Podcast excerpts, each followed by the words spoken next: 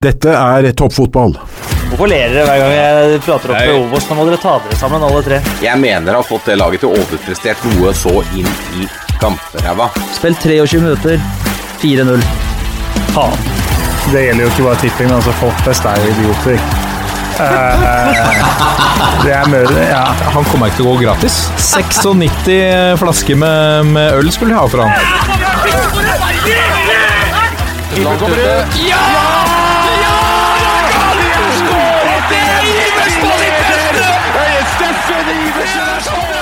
Og der er eh, toppfotball tilbake igjen, og det er en sann glede å ønske mannen bak sitatet. Det gjelder jo ikke bare tipping. Eh, generelt er jo syv av ti idioter. Jørgen Kjernås, velkommen. Tusen takk for det.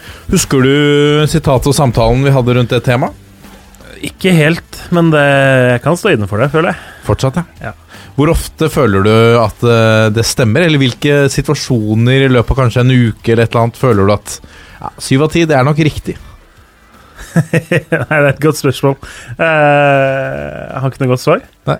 Så du er, Eh, eh, eller skal du vi er, bli, du er eller skal en, vi bli en, en av ti. en sånn såkalt idrettspod som renter om køkultur på Rema og sånne ting også? Vi kan gå nye veier eh, eh, nå når det nærmer seg liksom romjula snart. Det er, altså det er fortsatt mye igjen om norsk ball. da Kvaliker Jeg ser jo for meg at. Jonas Gahr Støre også irriterer seg over sånne folk, med tanke på restriksjonene som er satt inn nå. Jeg tipper det er for å Han òg mener at minst syv av ti er idioter. At Ja. det, det er litt for å få litt avstand til folk. Ja. Ja. For meteren er tilbake, og det er du også, Lasse Wang Wangstein. Velkommen. Jo, takk for det, Martin Roppestad. Du får lov å arrestere deg litt. Sier han ikke folk flest er idioter, eller sier han syv av ti? Flest Vi hørte det akkurat. idioter, da. Det er helt riktig. Det sier han ikke i Så han er ikke så spesifikk på at det er syv av ti, Syv av eh, ti er kanskje min egen oppfatning. Jeg ja, folk det. flest er syv av ti pluss. Det vil jeg, jeg er enig i det, altså. Ja. Det kan jo være ni av ti òg. Nei, det er ikke ni av ti, vet du. Nei, Ja, for da er, det, da er vi nesten over på alle, som Ja. i Det er jo ikke alle, vet du, Lasse. Nei, folk er flest. syv av ti. Syv av ti, ja, men det er greit. Ja. Og Så vi Ja, fortsetter ja, å sitte tre her, da. ja, det er to av oss er idioter, da. Jeg kan Ja. ta den ene, jeg, altså. Ja, jeg har nok den andre. Ja, det, er, for det, kommer- det er i hvert fall ikke han som kommer med sitatet, som er idiot. To idioter Ja, og et det kommer jo an på øya som ser, da. Det, ja, men det er jo helt annen sak. Ja. Det er deilig å være her, da. Ja, ikke sant? Hyggelig å se deres fjes, som noen ville sagt. Ja, eh, en vis mann ville sagt det. Ja. Eh, og eh, dette er kanskje den siste episoden før jul. Så travle har vi blitt. Ja, så travle har vi blitt, og vi sitter jo her nå en tirsdag kveld klokken åtte, under to døgn før det innføres nye restriksjoner, så det er vel ikke sikkert at vi får lov til å sitte her neste uke, da. Nei, ikke sant? For allerede når vi kom i studio her nå hos Moderne Media, så var det på med munnbind, nedspriting og, og det meste. Altså. Og, eh, og at vi registrerer oss inn. Ja, Så moderne media har ting på stell, da. ja. Det er bra. Gode gamle registreringa der. Ja. Men uh, hvordan oppvarer de kontaktopplysningene mine? Jeg er interessert i å vite hvordan.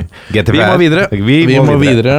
Ehm, I uh, dagens uh, sending skal vi eh, Altså, det er jo blir jo en sending i litt sånn oppsummeringens og kåringens navn. Vi skal sette opp årets lag. Vi skal enes om årets lag. Det vil si, jeg er dommer, dere skal krangle, og jeg skal uh, vurdere deres argumenter, og så fatte en dom. Er uh, setupet som jeg fant på nå, som vi kommer til å kjøre der. høres ut som bra bra, podkast, det. Gjør ikke det? Er ikke det helt ok? Ja? Jo da, det er fint, det. Fint. Så vi gjør det for Eliteserien. Vi gjør det for uh, Obos-ligaen. Uh, plass for plass. Eh, så skal vi også driste oss til å kåre årets spiller i Eliteserien Obos, og også årets trener i Eliteserien Obos.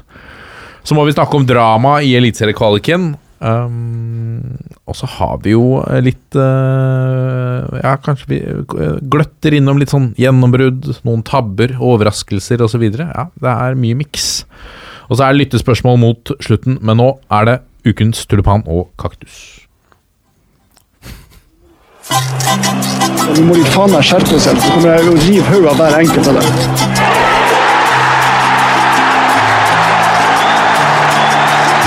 For ukens tulipan og kaktus ved spaltens president Lasse Wangstein. Vær så god, Lasse. Takk for det, Martin. Du, av og til så savner jeg Ivar Morten Nordmark i norsk fotball. Ja, ikke sant. Hvem er det ikke noen som kan få han tilbake, da? På et liksom toppnivå. Ja, nei, eller liksom i et studio, da. Når Ja. TV2 får tilbake norsk fotball, du ser for deg han i fotball ekstra der. magisk. Pundit, et eller annet. Ja, Stå og sitte der og kjefte. Han kjefta veldig mye på folk. ja han var fin fyr. Likte han. Ja. Ja. Uh, skal jeg dele ut litt kjeft, jeg òg, da? Ja, eh, det er jo derfor du er her. ja. Ukens første kaktus, det går til eh, en Bodø-Glimt-spiller Ok. med navn Amal Pellegrino. Oh. Ja. For det, uansett hvor kaldt og surt og jævlig det er, så skal du ikke bruke lue når du spiller fotball i Eliteserien på kamp. Spiller ikke med lue! Nei! Et par vanter, det kan jeg til nød bli med på. Stillongs, ja. Stillongs, greit, men det blir for useriøst, altså, med lue. Unnskyld meg. Røyk egentlig gullfesten til Glimt der? For han var jo ikke akkurat klinisk i kampen mot Brann. Men jeg trodde ikke dette var tillatt engang. Ja, å ha på lue. Helt ærlig, Hodeplagg. det trodde ikke jeg heller. Nei. Eh, det er jo vanskelig å sikte, da, med lua i øya, liksom. Og Glimt burde jo leda med mye mer enn 2-0 da Brann begynte opphentinga. Så jeg, jeg drister påstanden. Lue er lik at de ikke fikk feira seriegull før innføring av restriksjoner. Ja, riktig. Ja. Fordi han fikk lua i øya Når han skulle skyte og Ja, ja. borti hjørnet der. Og så var det jo for kaldt òg, sikkert for å s- køle den borti hjørnet der for han, da. Men eh, du må ikke bruke lue i, i toppserien. Det er altså toppdivisjon. Det går ikke! Vær så snill, det går ikke. Nei. Eh, er altså- dine tanker om hodeplagg eh, generelt? eh, Caps hatt eh, Kjernås i idrett? nå, nå fikk jeg noen bilder av en fyr med flosshatt som løper rundt og spilte fotball. jeg. Det Nydelig, hadde, jo, det hadde jo vært eh, nydelig. Men uh, nei, hold det til de Jeg skjønner jo Det er jo litt sånn sjarm eh, Jeg får litt sånn flashbacks til sånn keepere som bytter side midt på sommeren, og så oppdager jeg at oi, det er sola, ja. Jeg får den midt i øya.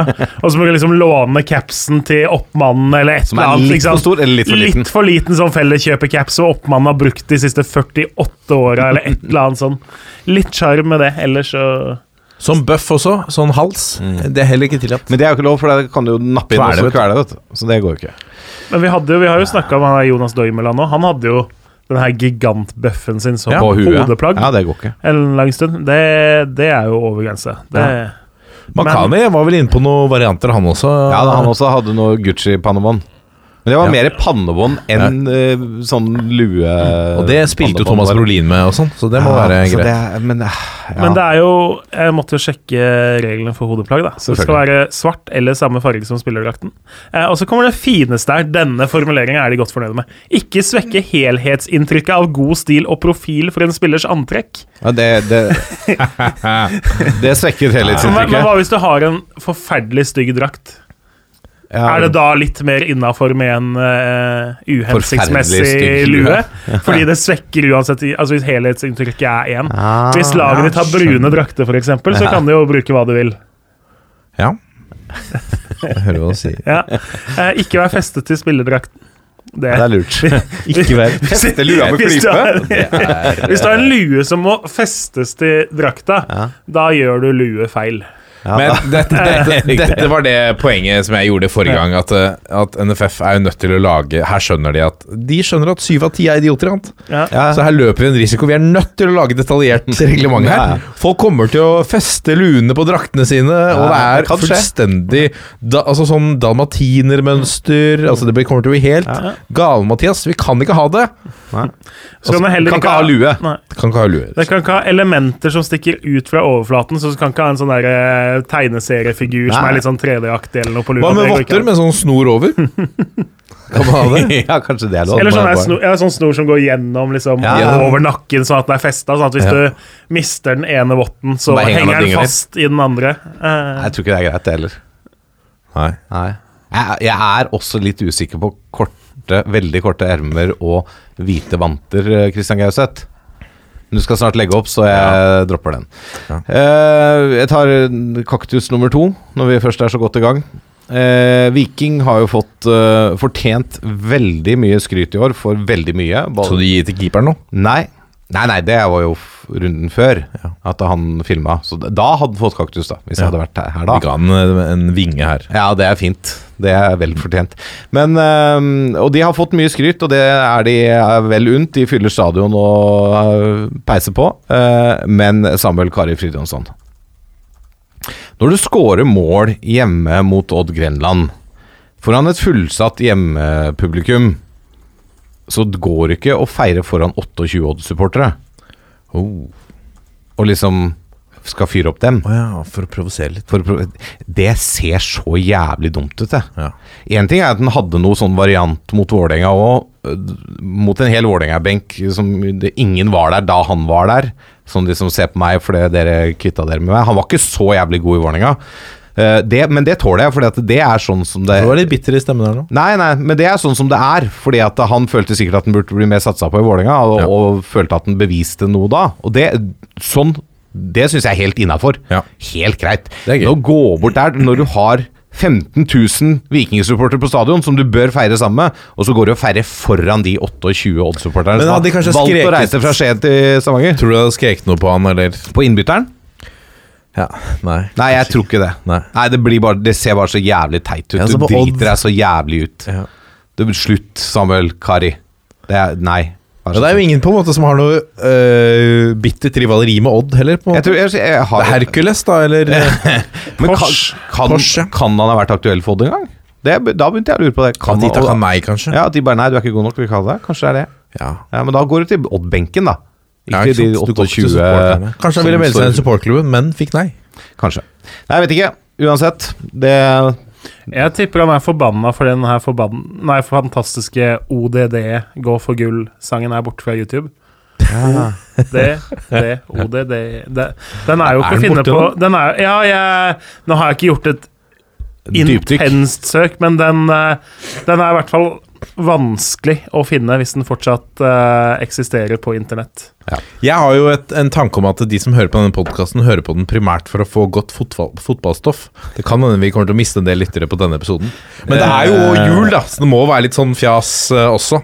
Det er greit. Eh, hvis, uh, hvis den finnes fortsatt på YouTube, så skal vi spille den her uh, i dette studio. Eller så deler vi den. på Kanskje enda bedre deler Kan få en liten smak her En smakebit. Ja.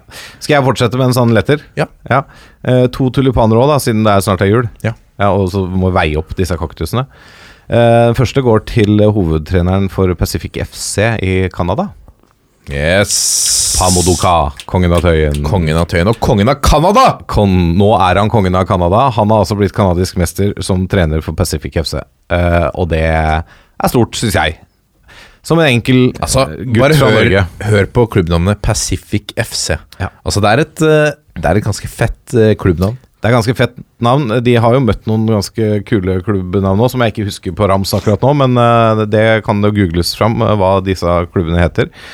Men eh, det er jo gøy med norske trenere som har suksess, og som henter pokaler. Eh, Nå vant vel også Ronny Deila Eastern Conference borti Major League Soccer der, og skal spille om da MLS Cup. Yes. Eh, og det er jo også en liten tulipan verdig. Så det, Pamodo og Ronny de deler tulipan for trenergjerning i utlandet. Og det er jo hyggelig at vi får en positiv eh, noe positivitet rundt eh, norske trenere i utlandet, da. Etter eh, litt sånn eh, tråde tider borti England. Og Ronny, altså Med all fairness der, han kunne jo mista jobben der hvis de ikke hadde gått videre. De, de karra seg jo Ja, de videre. karra seg videre, og så tar de hele co- er- conference. Det er bra. Eller conference, som andre podkaster du høre et par canadiske fotballklubber? Ja, Atletico Otava. nydelig. Neste. Mm. Forge FC. Forge. Forge. Og min personlige favoritt, i tillegg til Pacific FC, Cavalry FC. Altså kavaleriet. Ja, de tror jeg de møtte Pacific for ikke så lenge siden. Om det var i finalen, det husker jeg ikke. Men Cavalry FC. Du følger kanadisk fotball tett. Nei. Nei. Gjør ikke det, men jeg fikk med at Pamolka trente til gull. Gøy. Altså, er han eh, Kan han være en aktuell mann for eh, en norsk, eh, norsk klubb? Har han kanskje kanadisk eh, kone og sånn, så han er litt låst der borte? Men han Eh, meldte seg på i den Vålerenga-diskusjonen? Ja, hvor alle skulle bli trener. Ja. Nei, jeg vet ikke om han er aktuell for en norsk klubb. Det hadde jo vært gøy å få han hjem, da. Ja. Han er jo en, øhm, en spilloppmaker også, og en kul type. Så det hadde vært gøy, gøy det. Altså, altså, vi trenger jo alle ressurser vi kan ha i Norge, tenker jeg, da, som er øh, gode, og som har peiling på Skape litt eh, underholdning. ja. Altså, det er noen som snakker om at vi trenger sirkusdirektører også i fotballen. Det er jo underholdning man driver med, så um, hvorfor ikke, sier jeg. Er det noen klubber der ute som trenger trener? Hvor vil du putte han, Jørgen Kjernås? Sånn fritt? Oi, han er jo en verdensmann, da, så jeg Mm. uh, slår, slår meg ikke som at han har noe sånn umiddelbart behov for å komme hjem, kanskje. Men uh, Nei, det Putt han i en klubb som får litt oppmerksomhet. Om det er Det er klart Vålerenga hadde vært det Ja, det optimale sånn eh, på litt sikt, men eh, et sted hvor han får lov til å komme med litt sitater, det tror jeg hadde vært fint. Da. Ja, det var bra. Singel og Frank. Kan jeg få si vi fant, jeg, jeg tror jeg fant sangen. Singel og Frank. Det. Ja, du fant sangen, ja? Jeg har en tulipan til. da, før. Ja, Ja, Skal jeg vi, skal, vi spille sangen først? Nei, ta, ta tulipanen. Ja, Skal jeg ta tulipan? kjør. Ja, Det er egentlig en kaktustulipan. Okay, En kaktustulipan? Ja, det er liksom blanding. Det er, det er en oppsats. Det er flott. Fordi det er en person jeg faktisk da syns fortjener en tulipan for eh, lang og tro tjeneste for norsk fotballs beste. Stødig har hun ledet uh, podkasten Indre bane med en svensk villmann i studio, tidligere en sær reke. Hun leder fotballsendingen ved i skro og Glimt i øyet, og er dyktig som reporter. Gunhild Tollnes, du blir savna i dekningen av norsk fotball. Uh, og Derfor blir det også en liten kaktus, da, fordi at du velger å forlate den skuta som heter norsk fotball, for å dekke Premier League. Britisk idrett. Ja, men eh, vi eh, forstår jo selvfølgelig her at eh, folk velger å bytte jobb, og at eh, kanskje gresset ser grønnere ut på andre sida, og alt det der, det har vi full forståelse for. Penga. Gikk etter penga. Ja, det kan hende hun gikk etter penga. Vi ønsker i hvert fall lykke til, og takker for innsatsen da med denne oppsatsen. Ja. Det var, hun, har, hun har vært stor. Uh... Ja, jeg syns hun har vært helt fantastisk. Hun har vært, eh, og hun blir jo, og har vært på mange måter eh, en sånn ja, hun, hun er jo en profil for norsk fotball. Hun har vært eh, i mange kanaler, altså podkast, reporter, studio, som jeg sier. Eh, hun snakker opp produkt Jeg liker jo egentlig ikke det navnet, men det er jo et produkt i underholdningsbransjen. Altså, hun snakker opp norsk fotball. Ja. Har gjort det på veldig bra måte. Og um, så fortjener du tulipan når du klarer å håndtere han der gærne svensken Joakim Jonsson i studio der. Egentlig ganske bra. og det er eh, ikke kritikk av Joakim, altså, for han, eh, han er bra. Han også trenger vi. Så ja. Absolutt, det, det må jeg kunne si. Det må vi kunne si at uh, den podkasten også er jo, er jo uh, ypperlig. ja. Ypperlig. Selv om det er er, det, er de konkurrenter? Nei. Nei, vi var jo først, vet du. Vi var først, Så og så vi- har vi uh, samme mål. Snakke opp norsk fotball. Ja, ikke sant. Ja, så Kollegaer, vi nå. Vi er kollegaer. Ja. Det er helt riktig. Så der ble det sånn. Eh, det, det var vel fortjent. Uh, skal vi ta en annen, da, som uh, takker av? Da kan vi jo sette direkte over til hans trener. Hvordan skal dere fylle det tomrommet som oppstår der, da? På banen skal det gå bra. Kristian har store svakheter som spiller som, vi skal bli, som jeg er glad vi skal slippe. Han har en frekvens defensivt som eh, ikke hører hjemme på dette nivået. Så det er ingen andre lag på dette nivået som bruker en så treig spiller.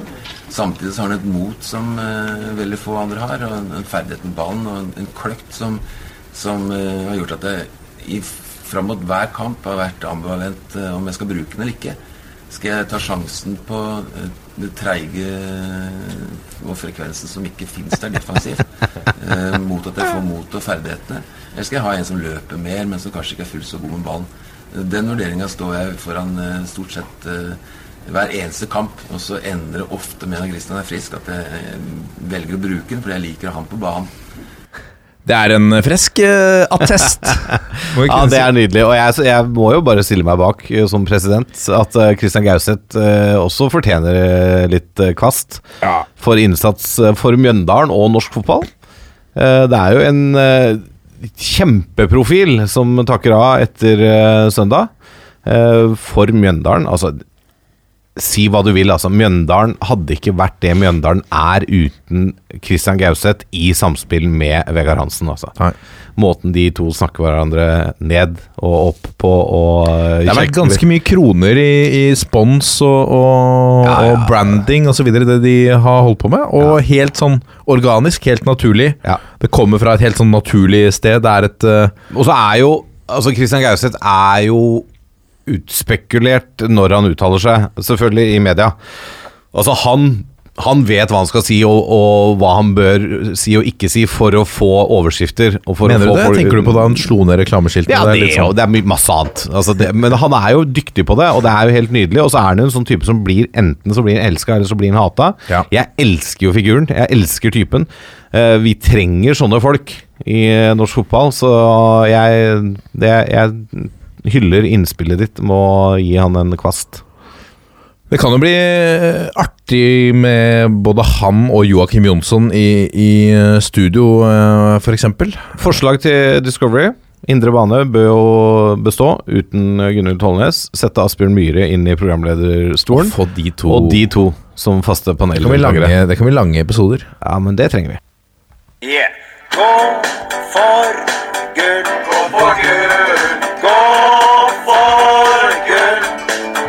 Gafargöl, Gafargöl, Gafargöl, Gafargöl, Gafargöl Gafargöl Udede Udede Udede Udede Udede Udede Udede Og med det ønsker vi hjertelig velkommen til eh, Pulsen. Det er, en, det er en vinner. Jeg tenker vi kan si hva vi vil etter dette punktet, for nå er- har alle skrudd av. Så hvis du har noe sjikane du har hatt lyst til å si noen andre ganger, men ikke turt, så er nå anledningen. Det er tid. Men jeg, for det mens, nå. mens dere satt og snakka om Tollnes og Gauseth og sånn, så ble, satt jeg og jeg og blei litt fascinert over navnet på en del av sangene til Odd. Det er klart at uh, For det første så er det jo da Bjørn Boss and The Supporters som har lagd denne sangen. Klart det. Men på Tribunefeber og Tribunefeber volum 2 så har de også kamper Nei, uh, sanger som eksempel den flotte 'Vi har en keeper'. det er jo ofte en, ofte en, Ja, ofte en grei sang. Hei, her kommer vi tilbake.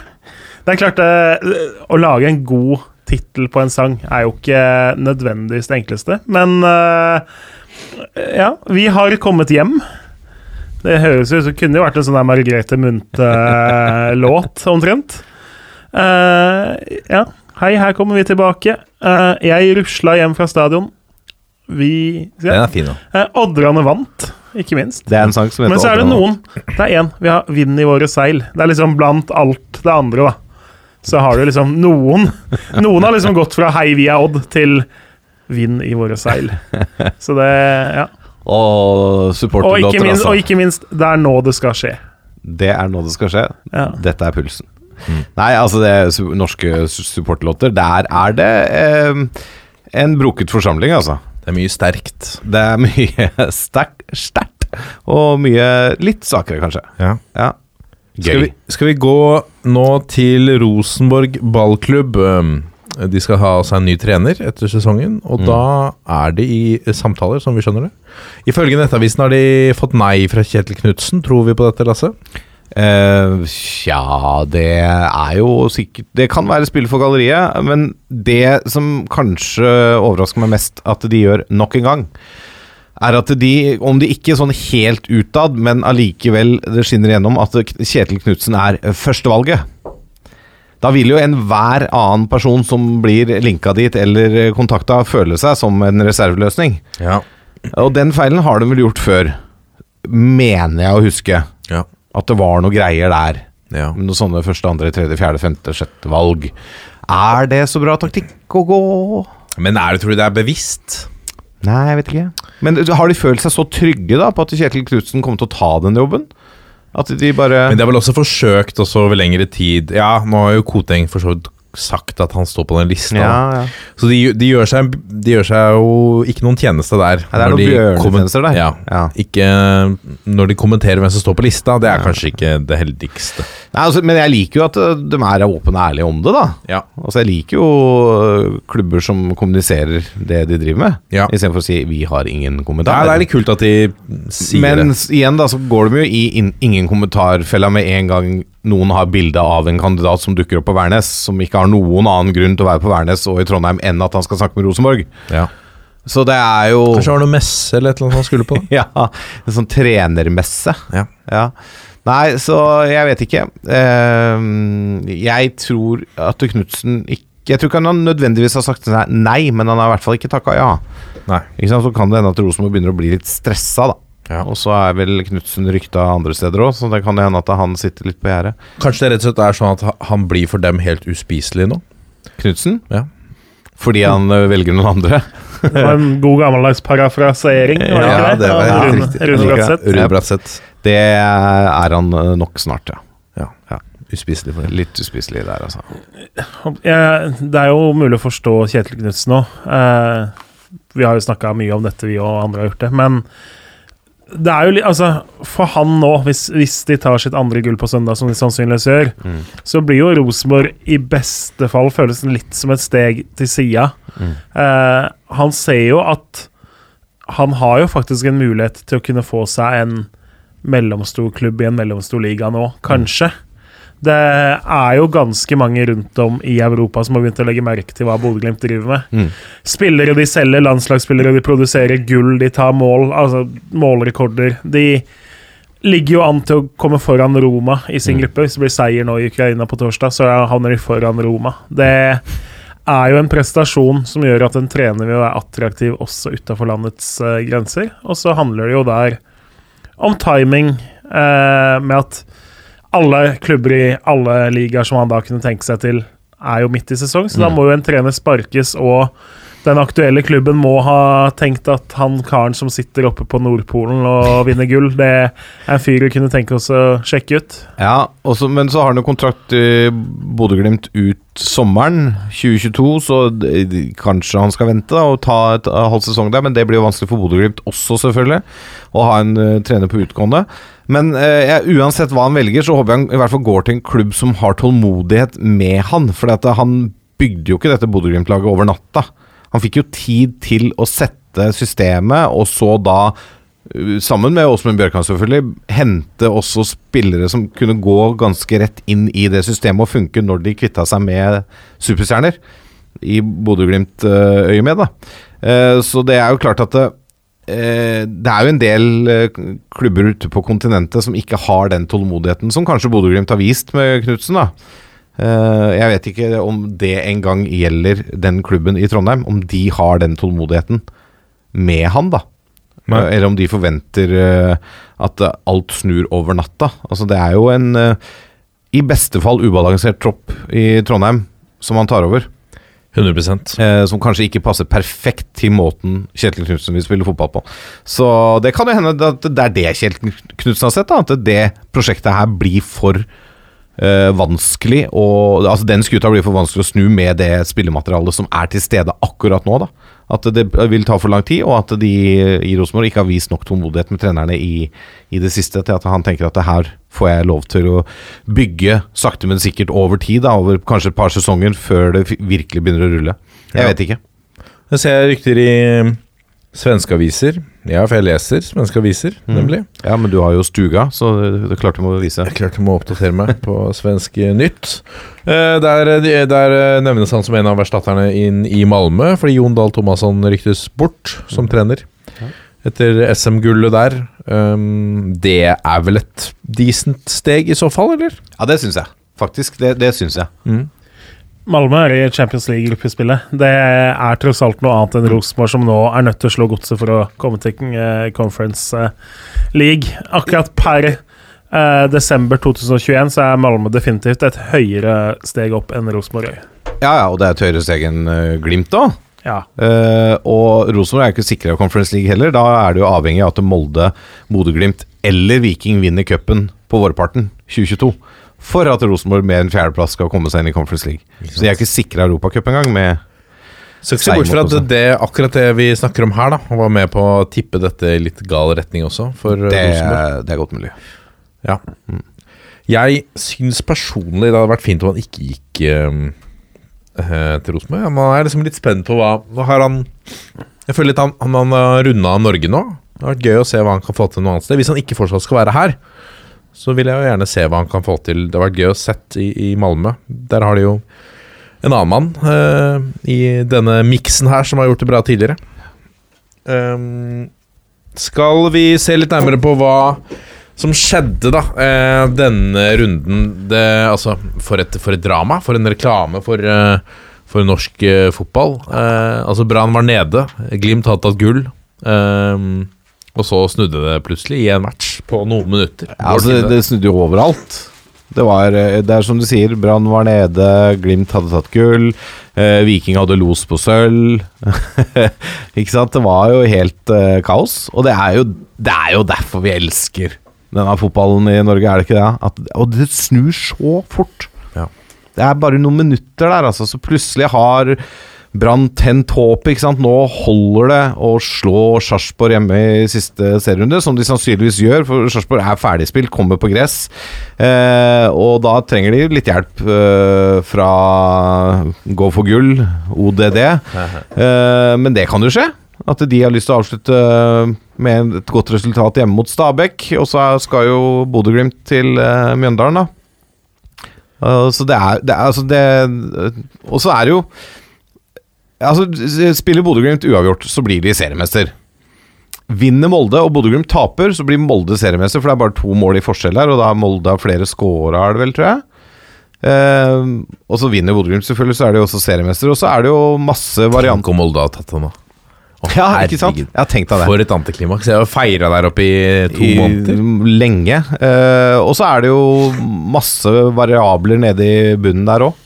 Altså, alle de tre som ligger nederst der, kan rykke rett ned, og alle kan få kvalik, egentlig. Uh, Mjøndalen er, ser du tyngst ut for, da, selvfølgelig. For da må mye resultater gå deres vei, men uh, Brann og Stabæk har jo altså Alle har jo alt å spille for, selvfølgelig. Men eh, altså Og Mjøndalen kan jo vinne og fortsatt ikke få kvalik. Så det er jo Ja. ja. Nei, det blir jo Det var kaotisk på søndag, og det blir kaotisk på søndag vi kommer til. Det er jo bare å benke seg og glede seg. For dette blir show. Dette blir drama. Jørgen Kjernås, eh, nå ligger Stabæk på kvalik. Tror du de gjør det eh, etter eh, søndag klokken eh, Hva blir det?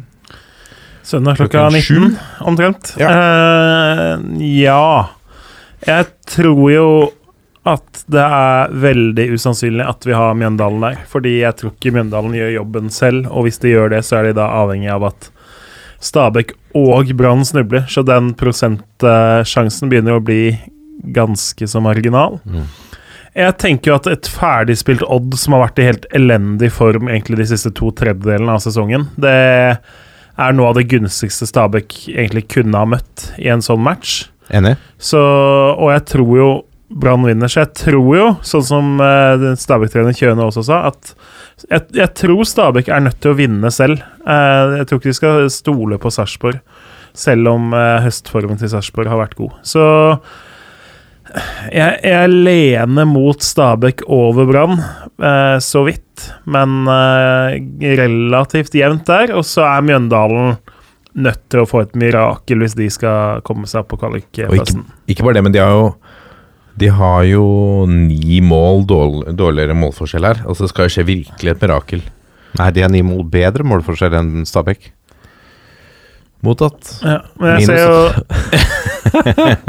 Minusmål. Normalt sett nå så ville jeg stoppet opptaket, og så tar vi det på nytt. Men eh, ikke. la oss være ærlige, da. Ja. Det blingser jeg på Jeg ser tall. Syv av bare ti. Syv av å ti, si oddsmessig nå, så kan du få For Mjøndalen er jo nødt til å vinne, og så er de jo nødt til at Odd vinner. Mm. Og så er de jo nødt til at Brann ikke vinner.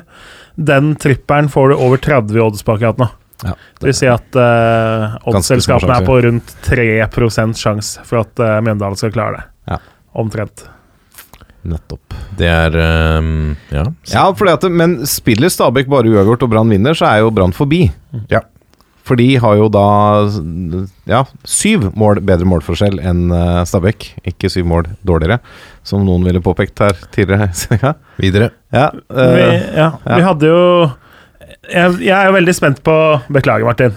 eh, hvor Hva gode laga er på Nei, det syns jeg sa videre. Nei, det var bare Jeg ble, jeg ble irettesatt her for Ja, min dumhet. Oh, ja, sånn. Da vi ønsket at vi skulle- videre fra det.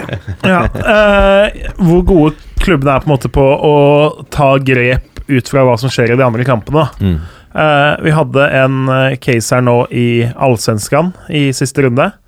Malmö og Halmstad. Uh, uavgjort nok for gull for Malmö. Mens uh, med 0-0, som var rett før slutt Malmö lå altså an til gullet. Halmstad lå på kvalikplass, er milevis foran Erik, men trengte seier for å klatre opp fra kvalik. Så de hadde ingenting å tape, alt å vinne. Likevel så sto de liksom og drøyde tida og sendte ikke folk i angrep, og det tok masse minutter, da, fordi det kom et mål i en annen kamp feil vei for dem, men det tok liksom fem minutter før de agerte og gjorde noe som helst med den informasjonen, da. Eh, jeg tenker hvis du som som Brann-supporter, da eh, Klart Brann må vinne, så for dem er det ganske enkelt. Men mm. som Stabæk-supporter, hvis du ikke på en måte hensynstar eventuell informasjon, eller hvordan Eller samme opp i toppen litt eh, der, da. Mm. Så klart, du får, du får ikke helt de samme casene, men du kan få det om den fjerdeplassen litt, eksempel. Ja. Mm. Uh, det, det blir spennende å se hva de gjør. Ja, det, Og så må det jo sies at Mjøndalen er jo omtrent mest uheldig med den Brann-utligninga. For det å møte et Bodø-Glimt som trenger poeng for å ta gull, kontra et uh, Bodø-Glimt som uh, hadde vært ferdigspilt og som har feira gull og som har spilt kamp i Ukraina, de tror jeg hadde vært litt Altså, de har jo vært litt på felgen med skader og sykdom og halvskader og mye sånn nå. Eh, det er et helt annet utgangspunkt Mjøndalen får nå. Jeg er helt enig. Det, er, det, er, altså det, det tror jeg faktisk er det som tipper det ned for Mjøndalen. da. Uh, for det, det er det ene poenget som da Brann får i pluss der, og så er det det Bodø-Glimt-laget de da møter på søndag, som skal sikre gullet. Og er, Blir det uavgjort der, så har Glimt gullet, og da er Mjøndalen nede.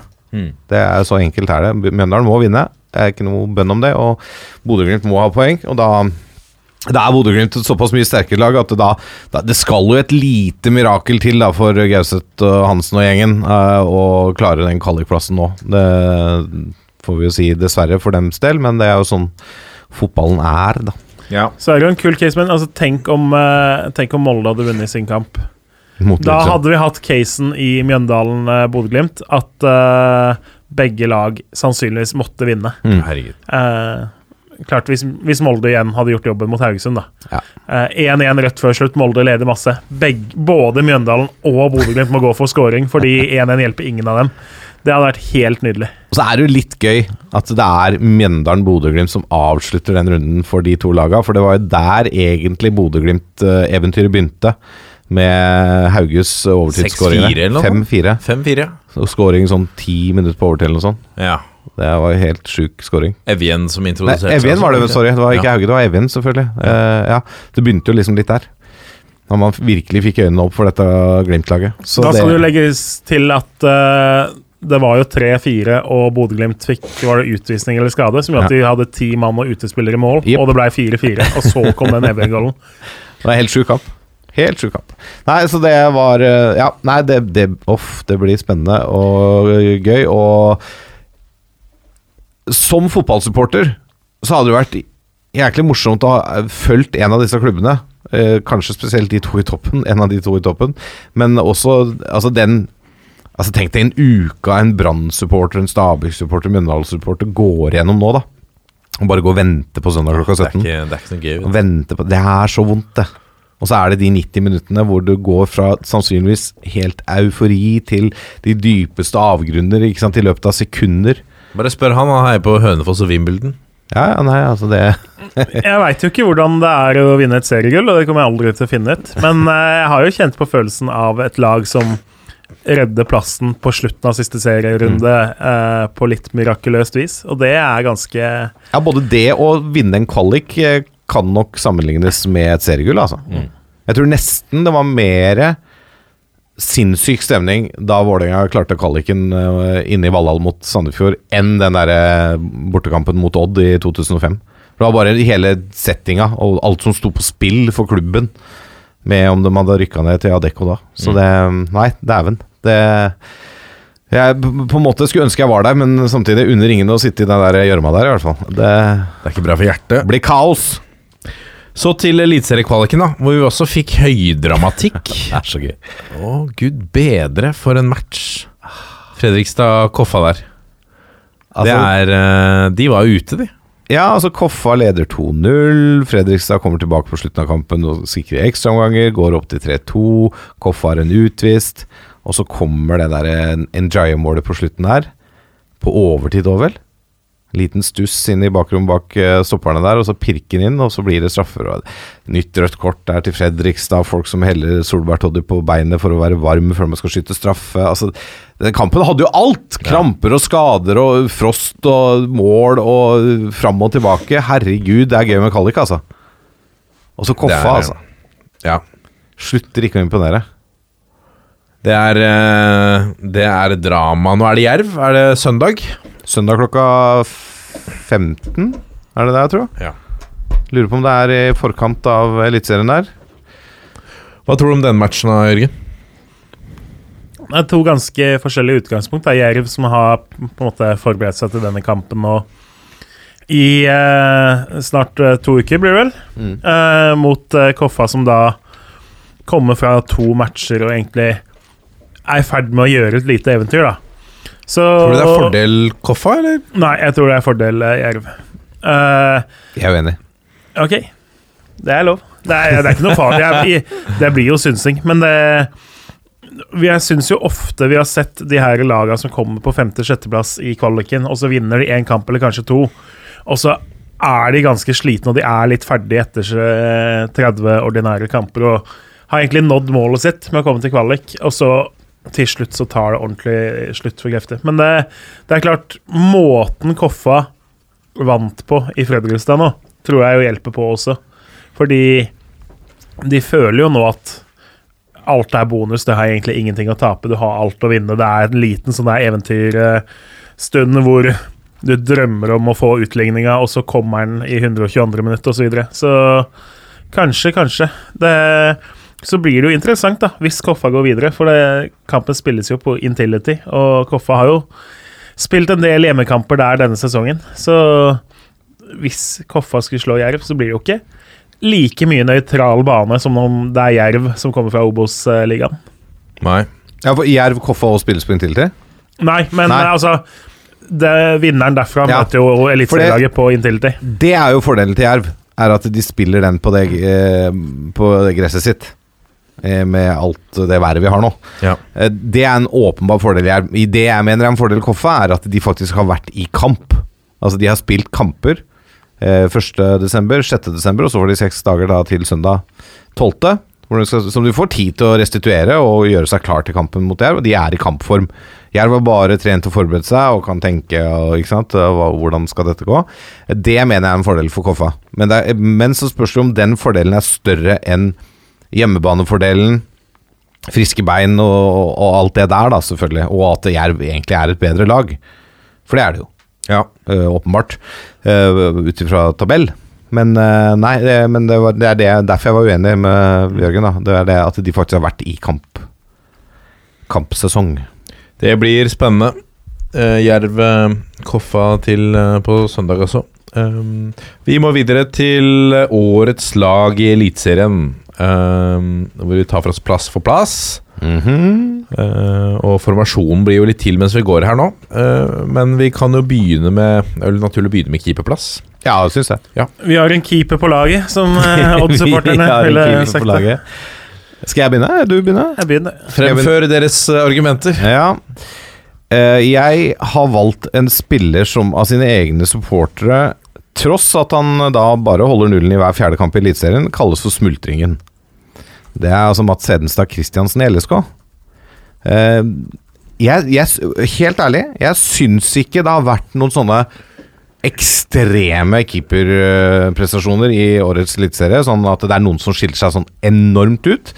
Og da falt jeg litt ned på han fordi han har vært veldig solid for Lillestrøm. Litt sånn underdog fra starten her, fordi at Lillestrøm uh, henta en annen Kranix fra Molde på lån. eh, og så kom han inn og fikk spille, og så har han egentlig gjort den plassen til sin og vært veldig viktig for det Lillestrøm-laget, som har snørt igjen uh, baklengssekken eh, på slutten av sesongen her, hvis du ser bort fra 3-3 borte mot Molde. Men det er flere som slipper inn tre mål eller mer eh, på Røkkeløkka. Så jeg falt ned på han, rett og slett. Jeg syns han har vært såpass solid at han fortjener å være på mitt årets lag, i hvert fall. Jørgen Kjernås. Jeg har jo landa samme sted, da. Eh, jeg syns jo Kristiansen har vært kanskje den keeperen som har størst betydning for mm. laget sitt. Jeg syns han jeg, jeg liker keepertypen, jeg liker keep, typen, og eh, eh, det er på en måte noe mer Det er noe sjarmerende med en ung, lokal spiller som eh, som kommer opp og presterer på den måten første gang han får sjansen i toppen. Mm. Jeg hadde lenge inne Nikita Haikin på et årets lag. Eh, Syns han har løfta seg veldig, veldig mye. Syns den er ganske tett, den duellen. Det er de to det står mellom for meg. Helt enig. Eh, holdt på å si både Myra i godset. Eh, lenge Sean McDermott inne på topp tre, men så har han hatt noen forferdelige forestillinger de siste ukene. Som gjør at han faller jo ut av kampen om å få være med på laget. Ja. Egil Selvik var lenge kanskje den beste, eller i hvert fall hvis du snakker de første sju-åtte kampene.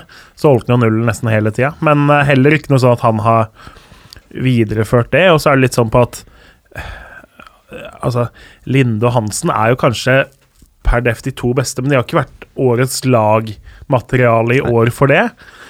Storevik og Karlstrøm har levert godkjente sesonger, men likevel et stykke bak. da, Så da det endte opp for meg med Haiken som en god nummer to, og så Kristiansen inne på laget. Og Haiken har jo også blitt tatt ut på det russiske landslaget nylig. Så det, han har jo gjort det bra. Helt klart. Uten tvil. Mm. Også i Europa. Også i Europa. Bra. Da er han uh, klubbet Mats Hedenstad Christiansen. Uh, men jeg har dobbeltstemme, da kan dra opp en helt annen. Da blir det 2-2, da. Ja, Jeg, vi, vi dropper det. dropper det. Høyrebekk. Du skal vel bare inn og justere hvis uh, vi ikke ble Ja, det er riktig. Ja. Det er min rolle. Høyrebekk syns jeg er den mest åpne og vanskelige plassen å plassere noen på her. Eh, her var jeg veldig frista til å gjøre en sånn vri som man egentlig gjør på, ofte på årets lag. At man liksom dytter ut en midtstopper og kaller han høyrebekk, eller setter opp fire forsvarsspillere eller sånn. Nei, ja, men jeg, jeg endte jo ikke opp med det, da. Men jeg syns jo jeg syns ikke Borchgrevink eller Reitan f.eks. er gode nok for årets lag. Alfons Samsted er et sted der, men uh, ikke helt nære nok. Uh, Wembangomo for så vidt god, men liksom ikke, ikke årets lag-god. da. En kjempegod sesong for, uh, ut fra måte, hva man forventa av Sandefjord og sånne ting. Men likevel. Samme liksom Lars Wilsvik, offensiv og flott og alle sånne ting, men det, det er liksom ikke nok til en plass her, da. Og for et lag som knapt nok holder nullen nå, så Så jeg endte opp med to kandidater. Eh, Snorre Strand Nilsen og Thomas Totland var de to jeg sto igjen med. Snorre Strand Han har jo vært eh, altså en åpenbaring. Jeg syns Totland har vært eh, den stødigste av de to, da. Ja. Eh, jeg syns den er jevn.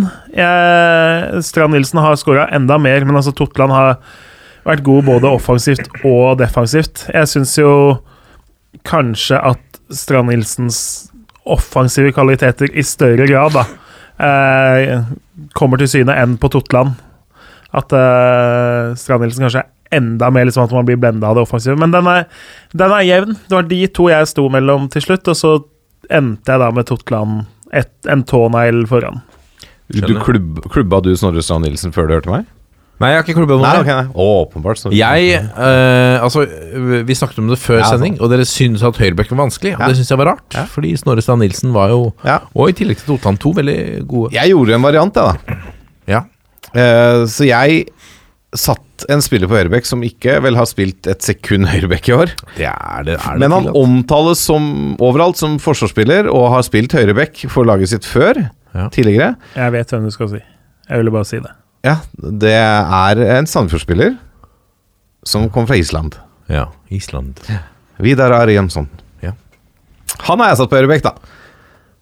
Bare fordi eh, altså, Han har jo vært jævlig god i år. Eh, og da for å få plass til ham, og når det var så vanskelig å finne en veldig god, åpenbar høyrebekk-kandidat, så har jeg også Totland og ikke minst Snorre Strand Nilsen som eh, Hva heter det? Eh, Kan, floaters kandidater. som kandidater Ja. bak der. Eh, så jeg kan være godt være med på Snorre Strand Nilsen, for det var kandidat to. Ja. Uh, også fordi det er gøy med en, uh, en idrettssønn. Han er jo sønn av en OL-bronsevinner i Ja. alpint. Riktig. Harald Kristian Strand Nilsen. Ja, riktig. Bronse i eh, kombinasjonen på Lillehammer 94 der, altså. Stemmer, stemmer. Ja, Nei da, men eh, jeg valgte Vidar Ari Jønsson, da. Men jeg må jeg, jeg, du, Da velger du. Hvem blir, eh, blir det Totland eller Jønsson, da? For du hadde Totland et hakk foran. Ja, det hadde jeg. Ja. Og jeg må velge mellom de to. Nei, du kan klubbe inn eh, Nei, Snorre Strand nei, nei, da blir det Totland.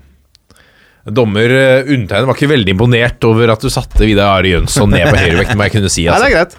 Jeg tåler det. Ja, det er jo et hån mot uh, eksisterende høyrebekker. Da må de skjerpe seg. Ja, det tar de med seg. Totland er klubba inn på laget der. Det er greit. Ja. Eh, ha- er det, uh, har dere fire bak, begge to, eller? Jeg har Ja. fire bak i hvert fall. Ja, riktig. Ja. En stopper, da.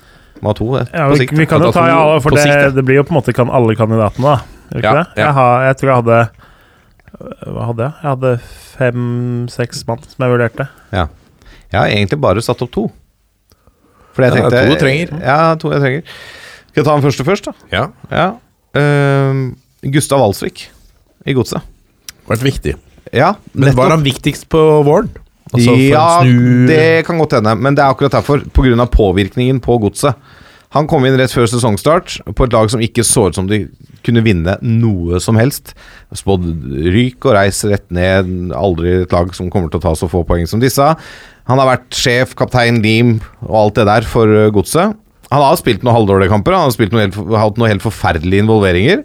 Men han er meget viktig for det godslaget, og jeg, jeg mener at det, å få inn han har vært avgjørende for at godset har faktisk, når du uh, summerer opp, hatt en helt decent sesong ut ifra forventninger og forutsetninger før sesongen. Derfor har jeg han på mitt lag.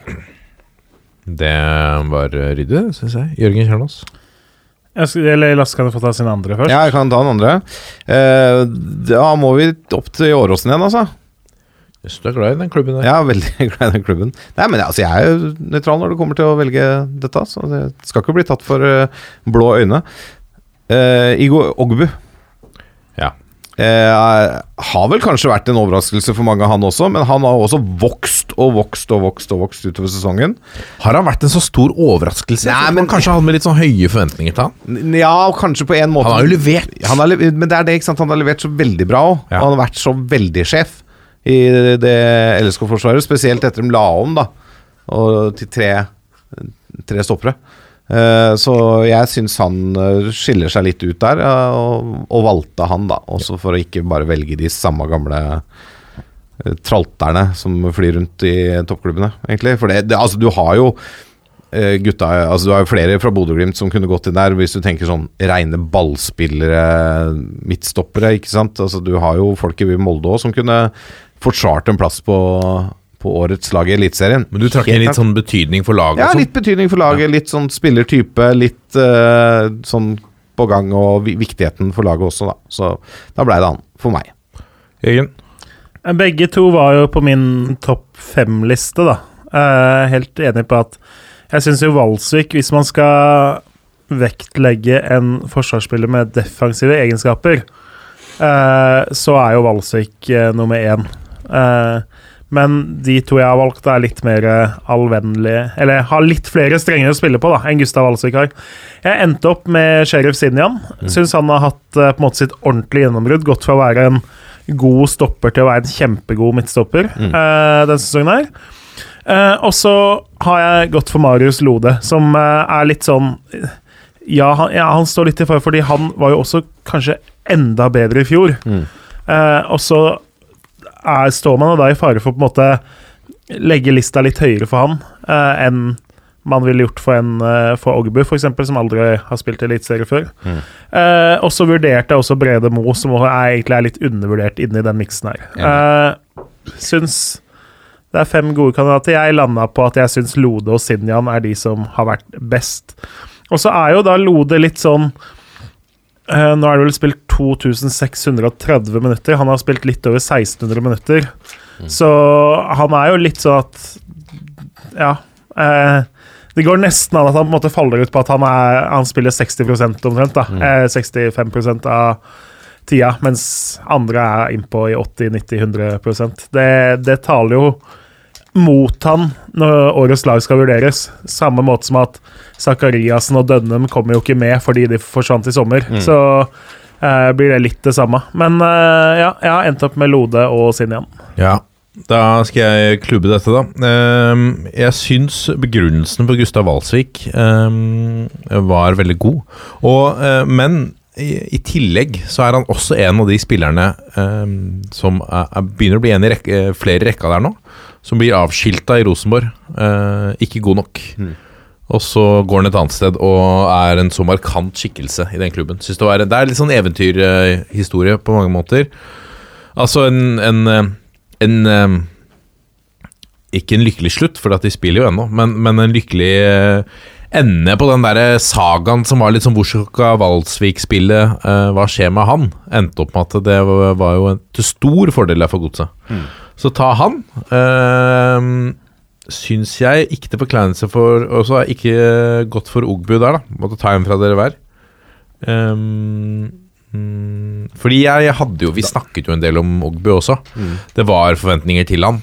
Og så har han jo levert Ja. uh, til gangs og er nok den mest attraktive stopperen i Eliteserien akkurat nå. Kan jeg komme med et forslag da, hvis du ikke skal ta han som nummer to? Ja, du kan prøve det. Ja, Da foreslår jeg Sheriff Sinjan. Ja, men det er det det blir, da.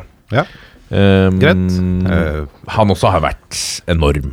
Ryddig og demokratisk prosess her i studio, altså. En av hver. Men jeg hadde ikke tatt en av hver hvis du hadde satt Vidar Are Jønsson ned på stopper der. Hadde ikke fått med deg han. Nei, det skjønner jeg. Det skjønner jeg. Venstrebekk. Den, hvis jeg får lov å si det, her Ja. tror jeg ikke det er så mye tvil. Det er For nok- dette er vel Eliteseriens beste back, og om mulig også kanskje ligaens beste spiller. Det er jo Fredrik Bjørkan i Bodø-Glimt. Altså, jeg, jeg blir sjokkert hvis uh, Jørgen har noen andre på den posisjonen.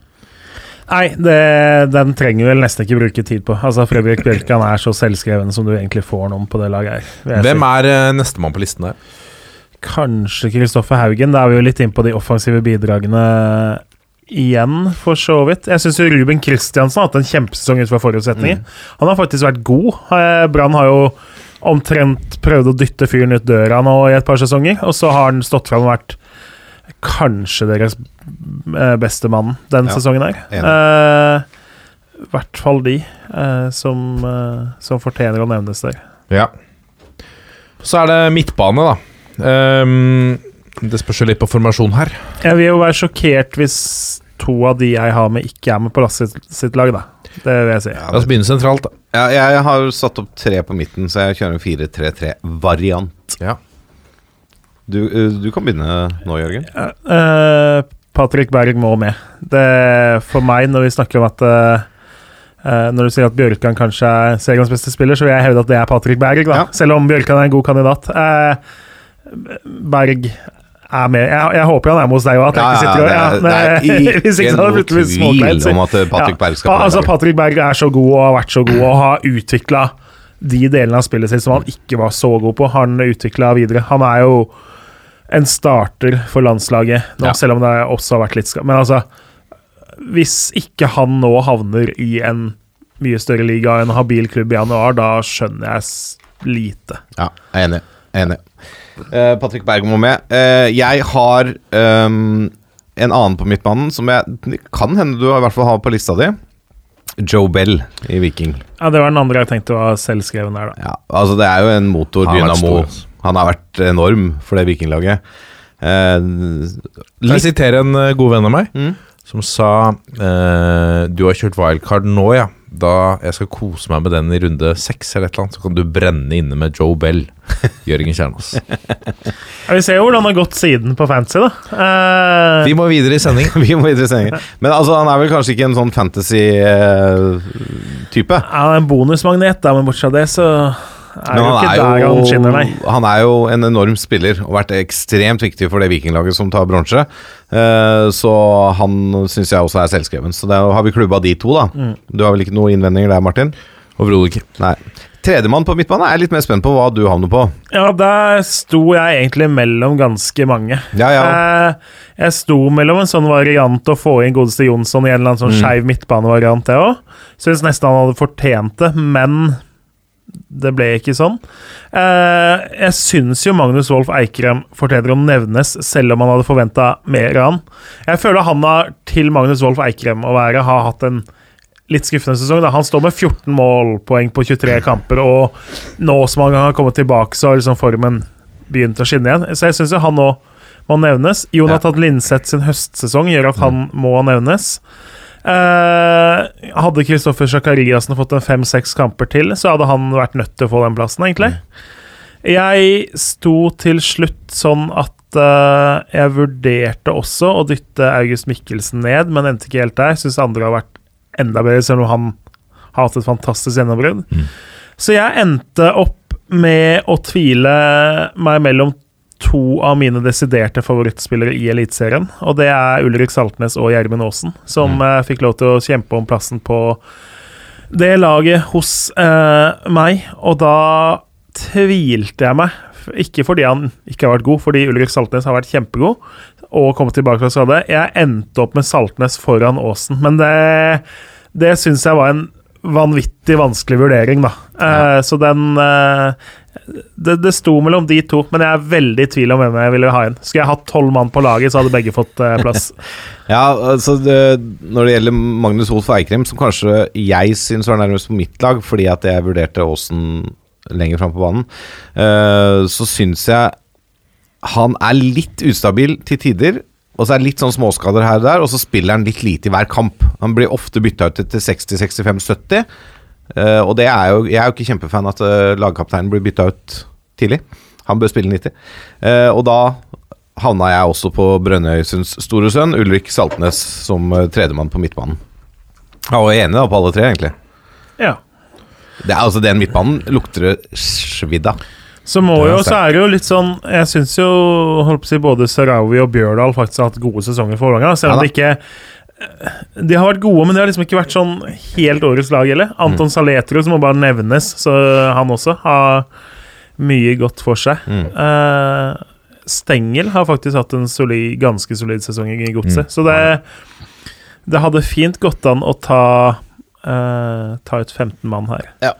Og så kan vi jo skyte inn uh, Som nå har vi jo brukt Jeg har jo brukt litt statistikk fra Y-Scout her noen sendinger. Så du gjetter på de defensive midtbanespillerne. De de har definert som defensive midtbanespillere. Og så har du en sånn ranking av dem. Hvilken plass tror du Patrick Berg befinner seg på på den lista?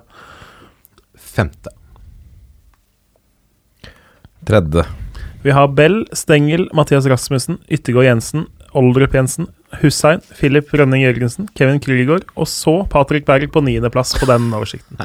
Så det viser jo litt sånn, når vi har snakka litt om speiding i overgangsmarkedet og sånne ting, da, at eh, det fins statistikker for hvor mange ganger en spiller blunker i løpet av en kamp, omtrent. Men eh, det forteller faktisk ikke hele bildet. Hvem var på topp der? Joe Bell var på topp, så den, men altså, du kan få et inntrykk på en måte, ikke sant? Ruben Yttergård Jensen er nummer fire, og Patrick Berger er nummer ni. Det, det forteller ikke hele bildet. Vi er er ikke hele sanninga. Ehm, da skal vi fram Angrep. Angrep, ja. Og der blir det jo sånn Selv om det er en 4-3-3, så blir det jo ikke to kantspillere og en spiss her, på laget mitt i hvert fall. Og vi kan jo begynne med statistikk, da, siden vi var innom det. Han første jeg har med, er sånn at når du står for Når du har scora over 55% av måla til laget ditt, og med målgivende er involvert i nesten 60% av skåringene, da havner du på årets lag. Så enkelt er det. Thomas Lene Olsen, tre frem, vær så god. Plassen er din, hos meg i hvert fall. Så jeg vet ikke om du har med han, Jeg jeg. tipper vi har de tre samme. Det er jeg litt usikker på, faktisk. Oi. Yes. For du har da sikkert en uh, Ja, vi får se, da. Ja, Men altså, Lene Olsen skal med. Det, ja. Skal jeg bare ta mine tre først, ja, kjør. Ja. Uh, den andre syns jeg er vanskelig å komme utenom, er jo Veton Berisha i Viking. Uh, det rivjernet på topp der, eh, og som da også scorer bøtte med mål, uh, syns jeg at det er en enkel avgjørelse å ha med på årets lag. Eh, Tredje er vi svømmer på nå. ja, for den Da syns jeg det ble vanskelig. Å? Ja, for det mange vil sikkert si at ja, Fred Friday. ja, nei, OI burde inn uh, fordi han skårer mye mål og sånn. Jeg syns sånn spillemessig han er litt for ustabil til å, akkurat nå. Og også fordi at jeg har lyst til å ha med en annen en. da. Eh, Ola Solbakken har et enormt høyeste-nivå, men han har heller ikke vært jevnt god. Han var god rundt noen Conference League-kamper og sånn pluss-minus der landslagsuttak. Sånn sesongen over ett og målpoeng har ikke herja. Så da ryker han ut. Uh, Slatko Tripic har vært enorm for Viking, er veldig viktig for Viking. Uh, Osame Sarawi har jeg vurdert der foran. Gjermund Aasen, assistkongen til LSK. Uh, men jeg havna da altså på August Mikkelsen. Jøss. Fordi jeg har lyst på en litt sånn Så hipstervalg? Ja, men jeg har lyst på en sånn up and coming eh, som har blomstra, gjennombrudd. eh, det er noe med den gutten, da. Ja. Eh, Men med- over OI, altså? Faktisk. Og det er bare fordi det er så lett å velge OI bare med å se på skåringer, tenker ja. jeg. Ja, ja. Må få inn litt andre egenskaper òg i angrepet der. Så da blir han hengende rett i bak der, så blir det en sånn hos meg 4-3-1-2, Det er nok eh, kanskje et mer balansert eh, angrep, tenker jeg. Ja. Jeg var jo sikker på at det var Botheim du skal innom når du ikke hadde gått for OE, da. Å ja, nei, han var ikke i Eh, nærheten. Nei. nei, jo da, han var jo med i vurderinga, men altså, nei. eh, så må vi nevne det, altså Bakenga hadde 11 mål på 11 kamper før han dro. Hva Ja. kunne skjedd der? Men eh, det er 8 mot 26 mål da, på Ja da. Mikkelsen mot uh, OI. Han har mer enn tre ganger så mange skåringer. Jeg syns den er Det er greit for meg. Eh, det er vel et, Holdt på å si Hvor mange er det som har mer enn 26 mål i Eliteserien noen gang? Vi har Odd Iversen på sine berømte 30, og så hadde vi Kasper Junker på 27 i fjor, og så har vel Brattbakk vært over én gang, om ikke to. Ja. Så det vil jo si at Lene Olsen og, Lene Olsen og O er vel på delt liksom femteplass eller noe, sjetteplass eller noe på liksom tidenes beste målskårersesong i Eliteserien. Jeg syns det Jeg er jo enig i at OHI i siste tredjedelen av sesongen ikke har vært like god som i de to eh, foregående. Det er det jo liten tvil om at eh, formen har avtatt litt utover høsten. Han har jo da eh, Han gikk jo målløs eh, av banen i tre kamper på rad, og så Men ja, jeg, jeg, jeg klarer ikke å komme utenom Oya, altså, som Nei, har nei, 26 mål. jeg, jeg, jeg ser den, og han var jo en soleklar nummer to, men det, i min da litt sånn formasjon, da, med én bak de to, med Berisha og Lene Olsen, så falt valget på Tromsø-spilleren, altså. Fordi OI er skada på ditt lag, så du tok inn August eh, Ja, han er, ja, og så må du ha en som kan komme inn og skåre mål òg, ikke sant? Det er sant. Jeg, selv om jeg liker jo Det der skaper godt innhold. Sånn eh, balanserte diskusjoner. Eh, folk som eh, prøver seg med, med noe fra hofta. Eh, men her eh, taper du så du synger. Altså, Det er helt greit. Eh, det er nok OI der. Det var vanskelig Altså, jeg synes det var det er, det er lenge siden vi har hatt en tydeligere treer, syns jeg, på topp der. Ja da, det er jo selvfølgelig, men man, det er jo alle kommer til å velge de tre. Ja. Ja, men, det er, men sånn Og så er det klart, altså Kristoffer Welde har vært noe, holdt på å si Inne i hvert fall atmosfæren av noe, da, men det er, en- i målt mot disse så går det ikke an. eh, der. Men la meg stille spørsmålet, Jørgen. Hvis du skulle satt på en klassisk 4-3-3 med to kantspillere, og så du bare har én midtspiss, Lene Olsen, Berisha eller OI, Eh, Lene Olsen ut fra denne sesongen her. da er vi enige der, da. Ja. Jeg er enig i at Ohi nok er den tredje mann som kommer inn på laget bak Lene og Berisha. Mm. Uh, ja. Men det som er positivt der, mener jeg da, at det viser jo at det er jo masse offensiv slagkraft i Eliteserien. ja. For det er vanskelig det er, Selv om det er egentlig er tre ganske klare kandidater, så er det ganske mange rett bak der som også har et fantastiske sesonger av noen av de jeg nevnte. ja. Så det er jo det er veldig gøy for norsk fotball, da. Og det er jo øh, Dette er jo også spillere som øh, har lov til å representere Norge, alle sammen. ja. Og det er jo også meget positivt for norsk fotball, da. Ja, så er det som jeg nevnte, ikke sant? Altså, Dønnum, Zakariassen og Bakenga har jo på en måte blitt solgt ut av å gjøre det enda vanskeligere å ta et årets lag. Hvis alle de tre hadde blitt værende, så hadde man jo hatt noen skikkelig luksusproblemer. Eller da hadde jo Zakariassen sannsynligvis tatt Saltnes sin plass, tipper jeg. Og så får vi se, kanskje Bakenga hadde gjort det vanskeligere å velge på topp, og kanskje Dønnum hadde vært inne i miksen, han også. Vi går Det, var, det ble bra lag. Skal jeg summere det opp, kanskje? Eh, I mål Mats Hedenstad Christiansen. Uh, Høyrebekk Jørgen eh, Nei. Yes! Gjør. End, endelig er jeg på årets lag! Endelig! Ikke Jørgen. Er I mitt skjema har jeg notert ned Jørgen kolon Totland, selvfølgelig. Thomas Totland er på høyrebekk. På eh, stopperplass Gustav Walsvik og Sheriff Sinjan. Eh, På venstrebekk Fredrik Bjørkan. På midten Patrick Berg, Joe Bell og Ulrik Saltnes. Og på topp Thomas Lene Olsen, Veton Berisha og Ohi. Kanskje ikke Ja, av de tre, hvem ville du spilt i midten? Ja, det Kanskje- var det Lene Olsen vi ble enige om der, var det ikke? Ja, men av de tre? Og, ja, og med de tre på banen, Ja. eh, da ja, jeg tror jeg faktisk fortsatt ville spilt Lene Olsen i midten. Ja. OI på venstre og Berisha på høyre. Ikke sant? Ikke sant? Det hadde jeg gjort, da. Ja. Skal vi hoppe rett på årets trener med en gang, eller? På uh, Eliteserien der? Ja, vi kan godt det. Ja.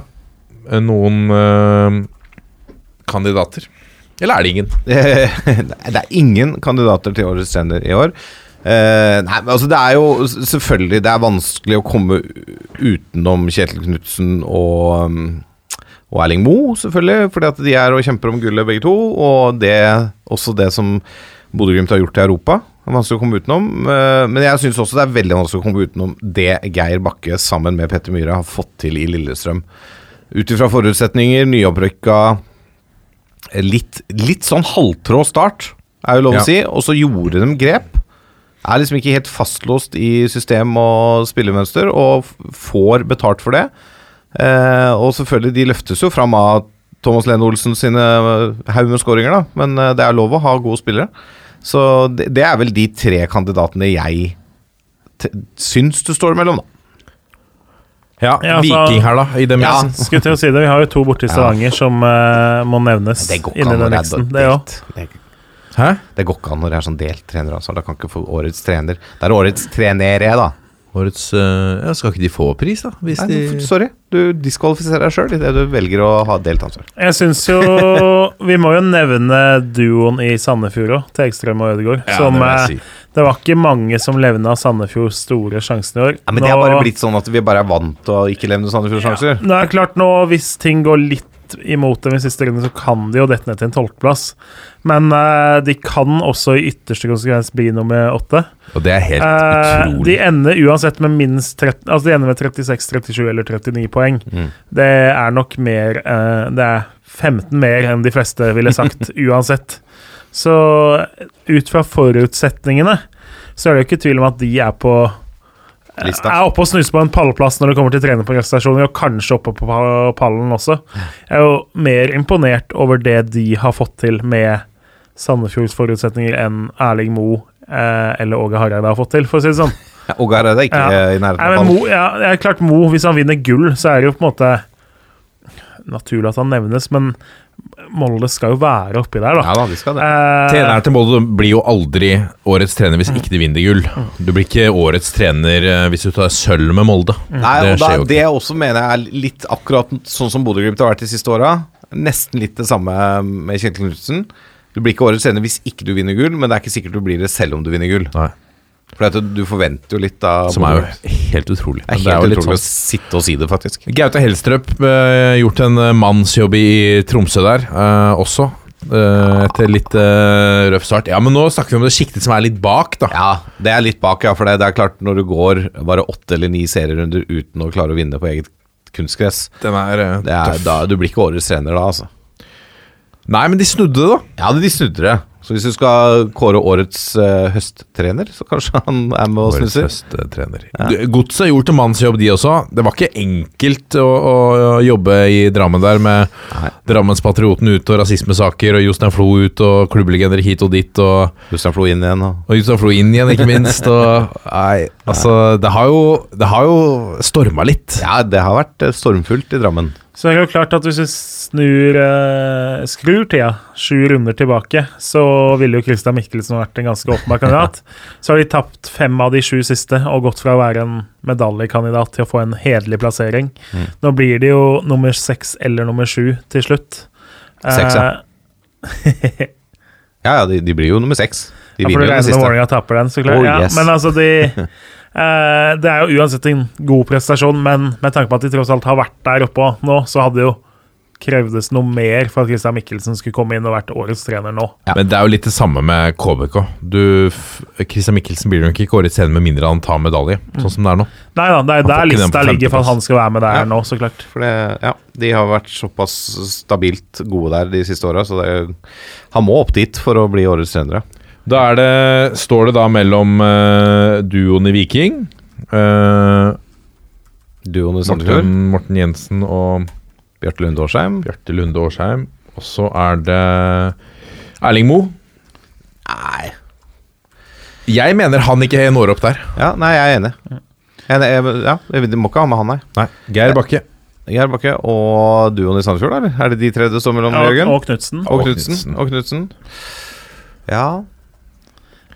Altså, så er det jo alltid et spørsmål om Vekter man inn Europa òg, så Jeg syns ikke Altså, kombinasjonen av Og så er det jo litt skummelt å sitte her med 90 minutter fotball igjen, da. Fordi eh, om Knutsen tar gull eller ikke, er tross alt en ganske sentral faktor her, da. Mm. Eh, så jeg vil si det som så at hvis Bodø-Glimt nå tar gullet, så ender jeg på Knutsen. Hvis ikke han tar gullet, så ender jeg på duoen i Viking. For min del. Riktig. Da vil jeg telle opp stemmene da, til uh, slutt. ja det, jeg skulle til å si noe av det samme. Jeg sier da Knutsen hvis Bodø-Glimt tar gull. Geir Bakke hvis Bodø-Glimt mister gullet. på Hvem hadde du, hadde du samme? Duoen i Viking. Ja, riktig.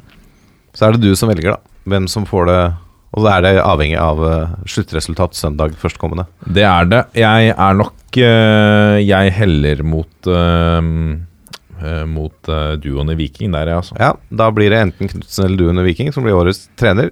De, dette vet du søndag klokken 19. Veldig spennende. Ja, bare glede seg. Eh, årets spiller, da. Én spiller. Thomas Lene Olsen. For meg, i hvert fall. Bare, ba, igjen, da. Altså 27 mål nå. 26. 26. 55% av skåringene til Lillestrøm. Over 55% av skåringene til Lillestrøm. Uh, ja. Uh, altså, jeg syns jo det er bedre spillere i Eliteserien. Altså Patrick Berg, uh, Fredrik Bjørkan.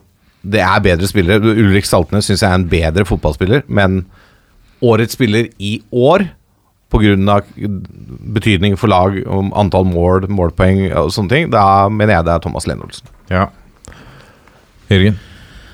Eh, nei, det står mellom Lene Olsen og Patrick Berg for meg. Og så er det litt det samme som Lasse er inne på, da. At uh, hvem som på en måte er den beste spilleren, og hvem som kanskje fortjener å bli kåra til årets spiller i 2021, det er ikke nødvendigvis synonymer, da. Nei. For jeg òg står litt mellom det ekstreme Lene Olsen har gjort, og den gode spilleren Patrick Berg er. Og så kjøper jeg egentlig litt av argumentene til Lasse på at uh, det, Nei, Lene Olsen får, får vel den fordi den sesongen har vært så vanvittig, og han har vært så toneangivende for sitt lag. Eh, så Lene Olsen akkurat foran Patrick Berg tror jeg at det ender på der. Ja. Da er vi enige, da. Da er vi enige. Årets spiller. Uh, er det noen andre priser vi skal ta på Eliteserien der? Er det Årets skuffelse, Årets eller? skuffelse, skal vi ikke gjøre den? Ja, det må vi. Det er jo en uh, hyggelig pris å få. Ja, den går jo rett til valget, den. Ja, men kan ikke, kan ikke, de kan ikke få den hvert år, Lasse. Ja, Amor Laioni kan få den. Ja, men, ja, ja, men uh, ja. Er det noen som har, jeg tror du ikke det er noen i serien som har skuffet mer enn det? Ja, mulig. Jeg veit du er forbanna, men, Men altså, eh, men altså ut ifra pris uh, Og Rolex. eh, Nei, men altså Jeg driter i den jævla Rolexen, men ut ifra pris, kok- cockiness og forventninger, så er jo han en e- enorm skuffelse ut ifra hva han har levert. Han har jo scora noen mål og levert noen assist og sånne ting, men Ja. eh, Så jeg mener jo han er en kandidat, da, i hvert Ja, fall. ja. Det samme er jo rekkemakker eh, Vidar. Ja, ja. eh, Vidar Han, men det er litt, an- han har vært så mye skada og, og sånn. Ja, jeg syns er det liksom gir han litt, eh, litt slack. Vært mye skade, det har vært samlivsbrudd og sånne ting. Så det er en, han, kan, han skal slippe billig unna der. Eh, så er det vel sikkert noen skuffelser oppe i Trøndelaget nå, skal vi vel tro, eller? Noen, noen av oss sitter jo med et spill på Dino Islamovic som Eliteseriens toppskårer. Ja, det, det er klart 23 mål mot godset til søndag. Det kan gå, men eh, det må ikke gå. Men det er jo eh, om hvor høye forventninger man hadde, egentlig. Det var mest han spiller midtspiss på, På Rosenborg. på Rosenborg for min del. Eh, så spørs det om man skal se til Bergen og snakke om spillere som eh, Ikke er der lenger. bedre på banen enn utafor banen, eller hva man skal kalle det for noe. Det Ja. eh, er jo noen Ja, men der, Spørsmålet er om Brann Altså klubben Brann er en kandidat. årets skuffelse? ja, altså det kan jo være det. Altså det kan jo være en trener som har årets skuffelse, det kan være en uttalelse, det kan være en, et lag, det kan være en dommer. Altså det er Vi har vel tidligere også snakket litt om uh, litt beslutninger som er gitt, annet. Altså, Barmen fikk vel en fireårskontrakt der før årets sesong. Uh, vi har den skandalen som skjedde. Det gjøres litt sånne rare ting som i hvert fall er vanskelig, vanskelig å forstå fra utsiden. Og så er vi jo nettopp det, vi er jo på utsiden. Men når man ser resultatene på banen og uh, Det har jo vært en helt skakkjørt sesong. Det har det. Og det Altså For et skakkjørt år. Det må være et av de verste årene de har hatt i hele klubbens historie. Altså Det syke å tenke på er jo hvis alle disse tre bunnlagene nå taper siste serierunde, så det står med 25, 23, 22 Det er ikke veldig mange sesonger du kan klare kvalikplass på 25 poeng, altså. Nei. Og da kan man jo si kanskje at eh, kvaliteten på de tre bunnlagene er årets. Jeg vet ikke. Men så kan jo alle da ha tre poeng mer på søndag, så det er liksom Nei, men eh, Nei, den er vanskelig, altså. Årets skuffelse. Men det må jo Hvilke andre ting er du, sku er du skuffa over? Nei, fotballklubben Brann kunne jo egentlig fått den som en uh, samla enhet. Sportsklubben? Eh, Sportsklubben Brann, ja. Skal, skal vi kjøre det årets skuffelse som en uh, Twitter-poll? At vi har fire Ja. alternativer, og så kan folk stemme? Ja, det. Er gøy at vi på en måte Da blir vi positivt uh, mottatt som et uh, positivt lada program. Når vi, det er liksom pollen vi kjører. Vi- Vi kårer alle de positive, Ja. og så får publikum Ja, vi overlater det til dem, selvfølgelig. Ja, det til Ja, Da har vi Laione som én, Escobran som uh, en til. Um, Dino. Er det, Ja, nja og så, eh, Eller angrepet til Rosenborg? Spillet til Rosenborg? Nei, jeg vet ikke. Rosenborg er vel De har jo skåra anstendige mål. mål, har de ikke det? Jo da, de Men det og så blir litt sånn Rashad Mohammed så ut Han var liksom henta tilbake, og så har det bare vært sånn utenomsportslig tull og knapt nok spilt og bla, bla. Ja, vet du, Det er et godt uh, alternativ, altså. Eh, han, har vel knapt nok vært på banen, og det har vært liksom et par ganger har gått fra stadionet siden han har vært utestengt og det har vært karantene og det har vært litt ditt og datt. Det har vært mye har ett mål i år, han. Ja, det kommer jo her nå for noen runder siden. Ja. Det har vært mye greier da, og lite minutter på banen. Hvem var det mot, da? Hmm. Det var i, på hjemmebane. Kan ikke det ha vært hjemme mot hvem, hvem tror vi han scora mot? Var det mot Stabæk, da de vant mye der, ja? Det. Hvem dette er god, eh, god er underholdning. Nei, jeg, vet- jeg vet god veldig godt hvem han scora mot. Jeg bare prøver å få dere til å komme på det. Oh, ja. Når jeg sier det Mot. Vålerenga. Ja, selvfølgelig. Der kom det. Der kom det. Da, da blomstra han. Er Vålerenga med på denne listen, da? Gulljagende Vålerenga. Ja, men er, hva, altså, hva, Hvor kommer det fra? Ja, Er det ikke Fagermo de som har sagt det selv, da? Ja, Han sa at de må jo prøve å utfordre for gull, og jeg liker Ja. at folk tør å si det, istedenfor å si at vi tar en kamp av gangen. Men er det ikke Du må jo innrømme at uh, Altså, her kommer jo Rolex-saken inn igjen, uh, selvfølgelig. Det er Cockiness. Ja. Uh, og signeringene de gjorde. Ja, selvfølgelig. Og så er det jo, var det jo, som vi snakket om også Jørgen Kjernås var en av de som var jo også skeptisk til bredden i troppen her. Hvor også ja, kanskje Ja, vi var flere. Hvor elveren er decent, Mm. uh, men den må også um, Er også helt avhengig av at de du har henta inn, faktisk leverer. Ja, og så mister du jo den beste spilleren da, midtveis. Yes, yes. Og da, også, men øh, ja, du kan godt si Vålerenga er verdt en av årets skuffelser. Eh, Det, jeg, jeg, jeg følger den, altså. Men de har Er det 45 poeng de har nå? Ja. Jeg føler jo på en måte at Lajoni og eventuelt Kjartansson på en måte Dekker Vålerenga? Dekker liksom den største Altså Ja. kanskje mest Lajoni fordi Med tanke på hva han gjorde Han i Bodø-Glimt, og med tanke på liksom at han hadde en agent som bare lo når ryktene begynte å oppstå. Eh, og liksom mange mente det var helt usannsynlig at han skulle gå tilbake til norsk fotball med lønn. Og, Mm. og det han gjorde eh, eh, Også det det har blitt i Vålerenga. Det har blitt Mm. veldig Som du sier at det er jo noen mål og noen assets, men i forhold til hva man forventa og hvordan han har bidratt til spillet, så er jo det to-tre hakk ned fra hva man hadde håpa da man henta han. Han var jo signeringa som gjorde at fjorårets tredjeplass skulle bli enda mer Ja, ja, konkurransedyktig, tross alt. Så nei, eh, men eh, han, dekker, han får bære Vålerenga på sine skuldre. ja. Når han ikke har gjort det på banen, så får han gjøre det i den kåringa. Kan jeg legge inn igjen? Eh, og det er uh, ringefeiringa til Erik Botheim. det er greit. Det er jeg veldig skuffa over. At han Du kan ikke kjøre den feiringa så lenge og aldri si hva som egentlig er bakgrunnen for at du gjør det. Er det Ståle Solbakken? Er det Mourinho du venter på skal ringe? Hvem er det som, som skal ringe? Har du Altså, lyst til å ringe dama? ja, hva, hva er dette? Altså, Ringer ikke faren din nok og nå gratulerer må med du bra kamp? avsløre spøken her. Ja. Eller eh, poenget ditt. Ja, enig. Ringefeiringa der. Ringefeiringa til Botheim. Fravær av løsning på ringefeiring. Det, Den er tynn. Det må vi ha fire kandidater, tenker jeg. Ja, men det er greit. Han, han er sjef. Han banker inn den. Det er skrevet eh, Jeg blir overraska hvis den vinner, da. Ja, det blir jeg. Gøy hvis folk går inn for å gi han den. Da har vi Amal Oyoni, Escobran, Rashad Mohammed og ringefeiringa til Botheim. Er det noen andre kandidater der som skal inn på skuffelse, da? Nei, vi har det fint der.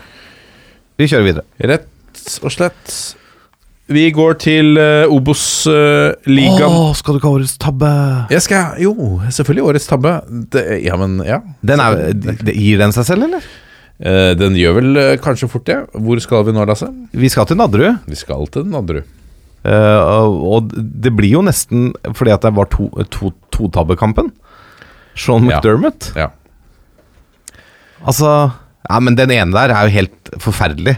Ja. Det må jo være var det no, Har det vært noen andre så ekstreme tabber i årets serie? Det er jo slaget med filminga mot egen Jo, jo, det spiller. er, ja, ja, jo, det er jo en tabbe, det òg, Ja, selvfølgelig. Men det er, det er vel mer årets sånn der flaue øyeblikk. Ja, Valsvik hadde jo en fæl en mot Mjøndalen, hvor han forærte Men Ja, det er ikke, det den når jo ikke opp, da. Nei. Eh, Det er vel McDermott, da. Ja, det er McDermott. han, han ligger jo i hvert fall såpass langt fram i hjernebarken. Men det er klart at Grill har jo også Hatt noen varianter. Han hatt noen eh, kandidater som kunne nevnes her, da. Ja. Han Den ønsker seg pris. som- ja. Han ønsker seg pris, ja. Ja, Nei, men det ble McDermott. det ble McDermott der, ja. Siden han ikke nådde opp som årets keeper, så kan han få årets tabbe. Gratulerer. Noen andre eh, priser vi bør dele ut? eh, Nei, nå som tror jeg er brenner Ja. Er det, jo ikke noe på sveis? Nei. Det er kanskje ikke et sånt program? Nei, det der, går- dit går vi ikke. Videre. Eh, årets bok, Per Joar Hansen.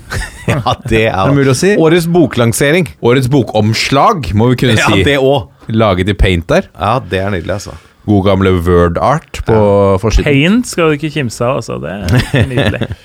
Hilsen læreren. Nei, det var eh, Ja, det er en historie for seg selv, det opplegget der.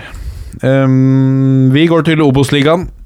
Um, skal vi begynne her, vet jeg at uh, Jørgen Kjernås har gjort et uh, grovere forarbeid enn deg, Lasse. Ja, det er helt riktig. Jeg blei plutselig litt opptatt her, så jeg fikk, uh, jeg fikk ikke notert mm, ned meg en hel elver engang, så jeg får bare fylle inn underveis, tenker jeg. Da begynner vi på keeper, Kjernås. Eh, Hagen, som vel ikke uttaler navnet sitt fullt Hagen, for han er jo ikke fra Norge, men fra Hagen. Heigen, uh, tenker jeg nesten må få den, selv om han kommer inn og spiller litt over en halv sesong. Så syns jeg han har vært bunnsolid for et bunnsolid uh, lag. Jeg syns ikke det er altfor mange kandidater som roper om at de virkelig fortjener den plassen, på bekostning av han. Jeg syns Lansing i Ålesund er noe nære, kanskje. Men eh, som ganske mange andre plasser på laget mitt, da, så går den til eh, Hamar. Nicolas Hagen. Jeg var så vidt innom han eh, Sogndal-keeperen som jeg sliter Jeg er litt usikker på hvordan du uttaler navnet sitt. Rense Fitch? Jeg tror det var omtrent. Du, du starter med en F, og så lager du en snodig lyd etterpå. Da tror jeg du har det riktig. ja. Han har jo også hatt en solid sesong for et lag som har tross alt spilt kvalik om eliteserieopprykk. Ja. Eh, Så han kunne vært nevnt i liksom bollen der, men jeg er jo helt enig at eh, Hagen eh, bør stå i mål. Nicolas Hagen. Nicolas Hagen. Høyrebekk. Det, ja, der, der syns jeg egentlig det var ganske lett å gå til HamKam igjen, da. Og eh, Lillestrøm Reject, Alexander Megalvis. Eh, ja, det er jo rutine og kvalitet og det som egentlig hører med, med for å være en god høyrebekk. Kanskje ligaens beste, omtrent. Vil jeg da tro, siden jeg set- setter den på midt rundt ned, tro ned. Obos-ligaen. Ja. Ja, Jeg må jo si jeg har jo landa på en sånn 3-5-2, kall det. Litt sånn vanskelig med ja, de som gjør det. Fordi eh, jeg syns det har vært mange gode stoppere. Jeg syns bekkene Jeg er enig i at Mel Galvi skal inn, han er på mitt lag òg. Men så har jeg endt opp med at på en måte det er såpass mange stoppere som jeg hadde lyst til å ha inn, og egentlig ingen venstrebekker som jeg virkelig hadde lyst til å ha inn, så da endte jeg med å Den litt teite tingen som man gjør på årets lag av og til, å dytte én litt lenger ned på liksom, Eller Mel Galvis litt langt opp, da. Ja, da blir det 3-5-2, da. Så kommer Ja. Mel Galvis på sikt. Ja. Nå tar stopperne dine, da. Uh, igjen så er vi på en HamKam-signering som kom halvveis i sesongen. Uh, Sam Rogers syns jeg har vært strålende. Syns jeg er den beste, kanskje. Enig. Uh, jeg har endt opp med at Jon Olav Norheim har fått plass fra Jerv. Veldig anvendelig og god, og veldig, veldig viktig for eh, hele sesongen til Jerv. Uansett hvor han spiller på laget. Så han har fått plass hos meg, da. Mm. Uh, og så lurte jeg på Så sto det litt om Kulichai skulle inn. Kanskje han burde fått plassen. Eh, jeg ble såpass holdt jeg, frista av de åtte målene til Jesper uh, Toje uh, for Koffa. Og det han for så vidt gjør defensivt, så han endte opp foran på mitt lag. Men jeg ville gjerne hatt Kulichai inn òg, men det det er noen elleve mann som skal inn, og da er det noen gode alternativer som eh, ikke får plass, selv om man gjerne skulle hatt plass til dem, fordi man liker noen enda litt bedre, da.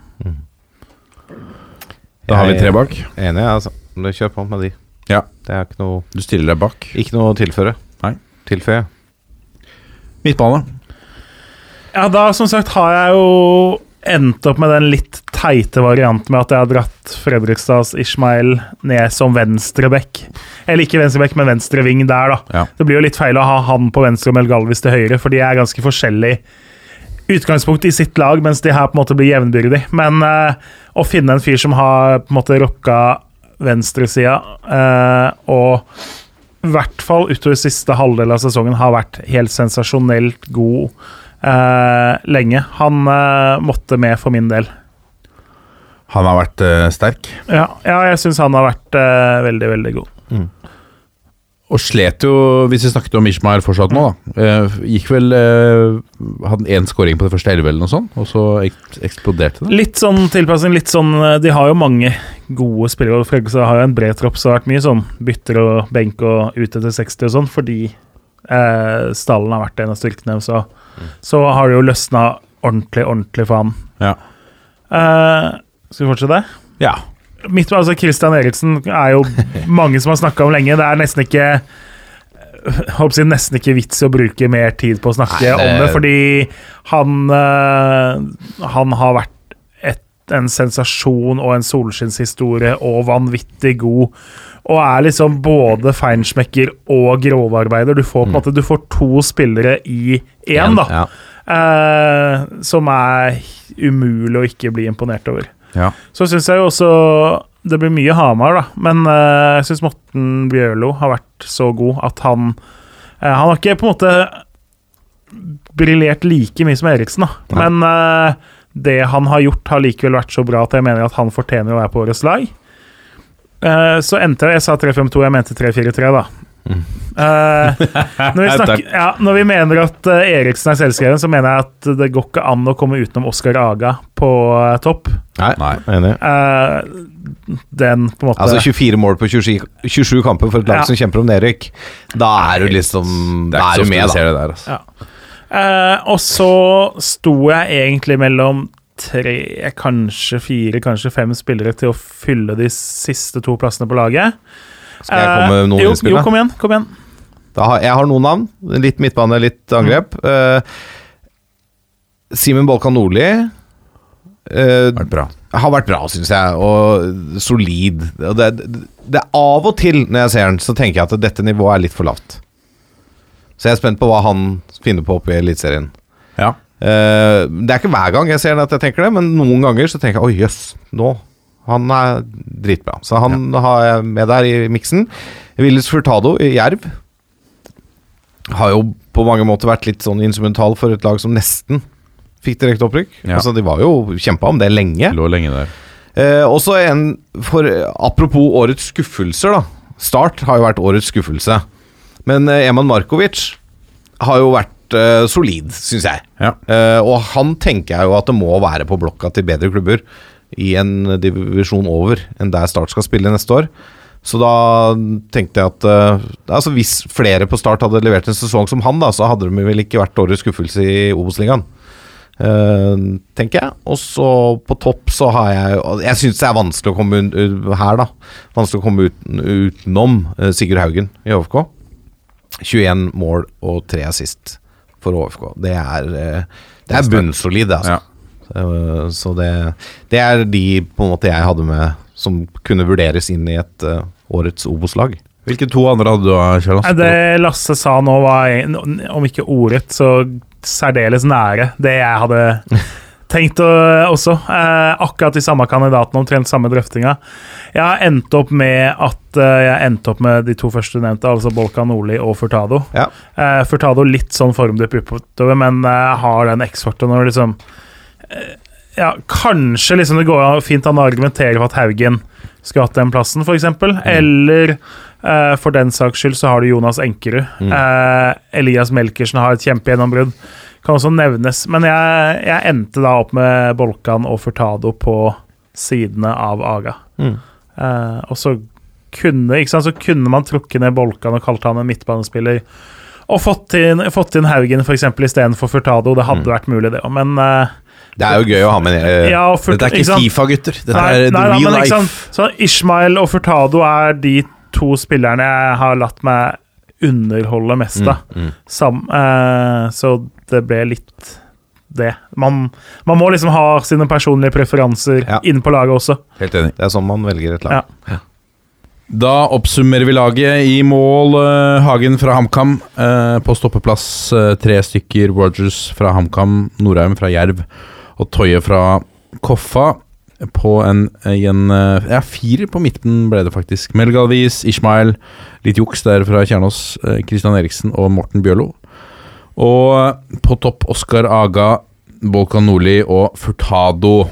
Slagkraftig lag, men hvem skal de bli ledet av? Er det noe tvil? Er det i? Kan det være noen andre? Nei, eh, skal vi bruke tid på en diskusjon, eller skal vi bare si at sånn er det? Jeg tenker at Den som argumenterer for noe annet enn at Kjetil Rekdal er årets trener i Obos, den eh, skal argumentere godt. Ellers er den blant de syv av ti. Ja. Hadde Jerv tatt andreplassen der, kunne man argumentert kanskje litt. Det er sant, men det gjorde de ikke. håper jeg hadde tanta mi vært mann, så hadde hun vært onkelen min. Det er litt der. Den er dyp, ass. Den er uh, grei. Kommer er- fra han som har hatt masse hypotetiske tankerekker gjennom den siste halvannen timen. Ja, det er fint. Bra, da er det en klubbet av årets trener Kjetil Rekdal, altså. Dette er toppfotball. Og da er vi kommet til lytterspørsmål. Årets siste lytterspørsmål, mine herrer. Kommer dere til å savne lyttspørsmål gjennom julen? Vil dere fortsatt ha litt lyttspørsmål? Sånn uh, Sånne drypp eh, gjennom julehøytiden. Det er fint, da. Egentlig Litt det. forslag til temas eh, for neste år, kanskje. Ikke Ja. så dumt, det. Vi trenger kanskje noe å fylle sendetiden med også før seriestart. Så shoot om det er ting som bør dekkes, prates om. Kom med det. Kristoffer Kristoffer Smedås uh, sier Ja, eh, litt lengre melding, men hvem tenker dere hadde passet for å etter, etterfølge Knutsen i Glimt? Det har vi snakket litt om før, men eh, Det er faktisk et interessant spørsmål hva de tenker, for det har vært veldig mye fokus på at Kjetil Knutsen skal hit eller dit. Og det er klart, nå har han jo kontrakt som går ut, og jeg tror jo selv om han skulle signert for Glimt nå, så fortsetter de å gjøre det samme. Så vil han jo uansett være aktuell for større liga, uansett om han har et halvt år eller tre år igjen av en kontrakt. Så den eventualiteten må jo Glimt fort forholde seg til eh, ganske snart, tipper jeg. ja. Nå starta vi jo sendinga med å snakke om Ivar Morten Nordmark. Det hadde jo vært det morsomste valget om han returnerte til Bodø-Glimt, så klart. Eh, om det er det mest trolige, det blir noe annet. Det som er litt interessant med Glimt, de hentet jo Kjetil Knutsen fra da hadde han fått sparken i, i Åsane, var det ikke det? Jo, og så kom han jo egentlig inn under Åsmund Bjørkan, og så har han på en måte rykka opp. Og det er jo litt den Glimt-greia, da, at de eh, tenker jo ikke nødvendigvis navn og CV.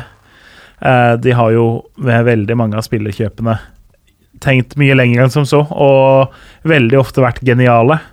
Så jeg tror jo at når Glimt skal ut og hente trener uten at jeg har et navn, at de tenker i de samme baner. Det blir ikke sånn at du går på på en måte den samme runddansen og de som har vært gjennom halvparten av klubbene. Eh, det, blir ikke, det er ikke Lars Bohin eksempel, som eh, står på lista der som er erfarne og som er ledig og sånne ting. Det er ikke der de søker, da.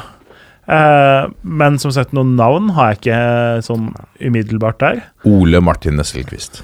Ja, det har vært stort. Det har vært stort. Han har lovet at han skal fortsette å være med i denne podkasten. Ja, men altså, vi klarer å hooke den opp på link fra Bodø. Link, ja. Får med folk fra, på link før, vi. Fra ja. Italia. Fått til det før, vi. Det går fint, det. Eh, men det er jo fordi hvis du går gjennom dagens trenere som sitter i jobber, det er liksom ikke de åpenbare kandidatene. Nei, og så er det jo litt sånn Du finner jo aldri liksom den perfekte erstatteren for en fyr som har gått på vannet, da. Uh, så liksom å erstatte Knutsen er jo også en utakknemlig jobb, fordi den lista han har lagt, er så sinnssvakt høy at det går egentlig ikke an å beskrive Det blir mest sannsynlig en skuffelse uansett. Mest sannsynlig gjør det det, men samtidig, hvis du får ta over et lag som har vunnet gull de to siste årene, så vil jo de fleste trenere ta den, fordi den sjansen kommer egentlig aldri. Det er en sjanse du får null ganger i løpet av trenerkarrieren normalt sett, så hvis den kommer én gang for de aller fleste trenere, så må de jo faktisk ta den. Kanskje, tror, det er kanskje ikke så aktuelt for Solskjær å flytte til Bodø? Nei, det er klart at eh, der har du et av veldig få unntak, Ja, ja. tror jeg jo, unntak, eventuelt, da. Men uh, nei, jeg har, jeg har ikke noe godt svar, men det er et veldig interessant spørsmål. Og som sagt, jeg tror Jeg er ganske sikker på at Glimt har starta den jobben for veldig lenge siden, og har to, tre, fire gode kandidater som de har på en lapp laga lengst inne i en safe, og så åpner de den safen den dagen Knutsen eventuelt eh, forsvinner. Er de norske, de navnene som du ser på den lappen? Det kan eh, godt hende at noen av dem er, i hvert fall. Men eh, Han snakker nesten som han vet, Jørgen Kjernås Ofte. nei, har ikke jeg Vet ikke. Aner ikke hva de tenker. Men hvis jeg skulle trukke fram ett langskudd, da, som er fra samme by som Ulrik Saltnes, så er vi jo på Paco Johansen. Eh, som jo nå jobb, har vært veldig mange år som U-landslagstrener, og som er en veldig dyktig fagmann. Eh, så han er nok i hvert fall et sted på en liste. Om han er på en tremannsliste, er han ikke. Han er nok på en timannsliste, det tipper jeg. Tror du Luis Pimenta står det? Vanskelig å si. Ja. Jeg tenker Ofte så glemmer man når man diskuterer eh, Vi har jo noe sånn vi, vi, har, vi har hatt den vante trioen, eller uh, fireren, når vi har diskutert uh, ledige trenerroller. Så glemmer vi ofte å se litt på hvem som sitter og jobber med aldersbestemte landslag i, i, på Ullevål. der. Gunnar Halle har ledet uh, lagen der med, med bra suksess de siste årene også. Er han etter hvert frista til å ja, Kanskje ikke denne jobben, da, men, men eh, Men jeg tror nok Bodø-Glimt er sånn at de De er jo litt der Rosenborg en gang var, i forhold til at jeg tror de vil ha en trener som er ganske tydelig på den type spillestil. Ja. Litt sånn klassisk 4-3-3-varianten, da, som Glimt har blitt så gode på. Så det vil jo selvfølgelig gjøre at det enkelte er uaktuelle. ja. Trond Solid. Trond Solid der, altså. Eh, Bjørn Rudsagen, noen tanker om Rosenborgs mulige nye trener? Hvis vi sier det er um, Vi var vel litt innom det før i sendinga, men vi, var, vi var det. Um, så spol tilbake, så får du svar, Bjørn. Gjør det. Nordlink86, vår venn. eh, Tanker om mulig oppsett i annen tredjevisjon? Tenker Jørgen store forandringer, eller? Ja, Vi snakka litt om det sist. Uh, ja, i tredjevisjon blir det det, fordi kabalen går ikke opp. I annen divisjon må jeg innrømme at jeg ikke har sett på det, men eh, det som jo er interessant der, er jo at i motsetning til tredje divisjon, hvor det fint går an å plassere nedrykkslag sammen, sånn som at Rosenborg 2 og Nardo havner sammen, eh, så er det ikke på en måte samme regler eller samme standarden som er satt i andre divisjon. da. Og det betyr jo at etter all sannsynlighet så skal vi ha Strømmen og Ullkisa i hver sin avdeling. Eh, så det gir jo en helt annen kabal enn hvis uh, Stjørdalsblink hadde rykka ned istedenfor Ullkisa. Men uh, det er jo mange Oslo-lag, da. Jeg håper jo, som Oslo-tilhenger, at vi Det er veldig kjedelig om man sprer i hvert fall lagene i byen, da. Eh, og du snytes litt for noen kule oppgjør, da. Men det, er, det er mye lag fra Østlandet, og det betyr at eh, liksom de helt optimale sammensetningene får man jo ikke der. Men eh, det, det ligger på en måte i pakka hvis du spiller i annendivisjon nå, og så er du et Trøndelag, så må du regne med at Rogaland er et naturlig sted å dra, at du kan få Odd 2. Eh, sånne ting er, ligger liksom i pakka. Så eh, Og så blir det spennende å se hva, hvordan det blir sportslig. Det er jo mange lag der som eh, satser og har ambisjoner om å være opprykkslag. Så NFF gjorde jo veldig få forandringer fra 2019 til 2020. Jeg tror det blir litt større forandringer nå. Ja. Bare fordi eh, ja, det er litt tradisjon om å på en måte kaste ballen opp i en kurv og tenke litt nytt der, egentlig. Med, mer enn det var nå denne sesongen. Spennende. 2020 til 2021 ble det så klart. Disse årstallene er vanskelig. Andreas uh, Seip, Seipajärvi uh, Seipajärvi, tror jeg er riktig. Tanker om eh, Tromsøs eh, siste stikk mot Qatar. Engelsk FAs samarbeid med Qatar og de nordiske lands dialoglinjen. Kan vi slenge på der også Erling Braut Haalands uh, tilsynelatende boikottnekt? Eller han vil ikke henge seg på eh, Ser det ut til, da, i hvert fall, eh, den samme linja. Stiller opp i litt drakter med Qatar og sånn. Du er en mann med meningers mot, Lasse Wangstein. Hva tenker du om akkurat det? Nei, altså jeg, Først og fremst eh, altså, Den Qatar-diskusjonen er eh, Den er jo på mange måter vanskelig. Eh, men samtidig så syns jeg det er, det er veldig forfriskende å se at eh, Tromsø tar den, det standpunktet de gjør, og tør å bruke tredjedrakta i en hjemmekamp for å liksom flagge sitt synspunkt så tydelig. Det hyller jeg. Sånn virkelig. Og det er helt uh, gull. Eh, hva Erling Braut Haaland foretar seg på landskamper når det er markeringer, og man steller seg en meter bak banneret og ikke rekker opp hånda, holdt opp si Eh, Altså Folk må nesten få lov til å si at dette har jeg ikke lyst å være med på akkurat nå. Jeg føler ikke det er riktig for meg, og det, det, det må han få lov til. Og så kan vi godt si at det bør han være med på. Og så er det sikkert noen som mener at da bør han ikke spille på landslaget eller noe sånt også. Det er sikkert noen som er helt der ute. Men nei, jeg, jeg synes det er litt Akkurat sånne ting syns jeg er litt vanskelig å gå inn i huet på Erling Braut Haaland og tenke hvorfor gjør han som han gjør?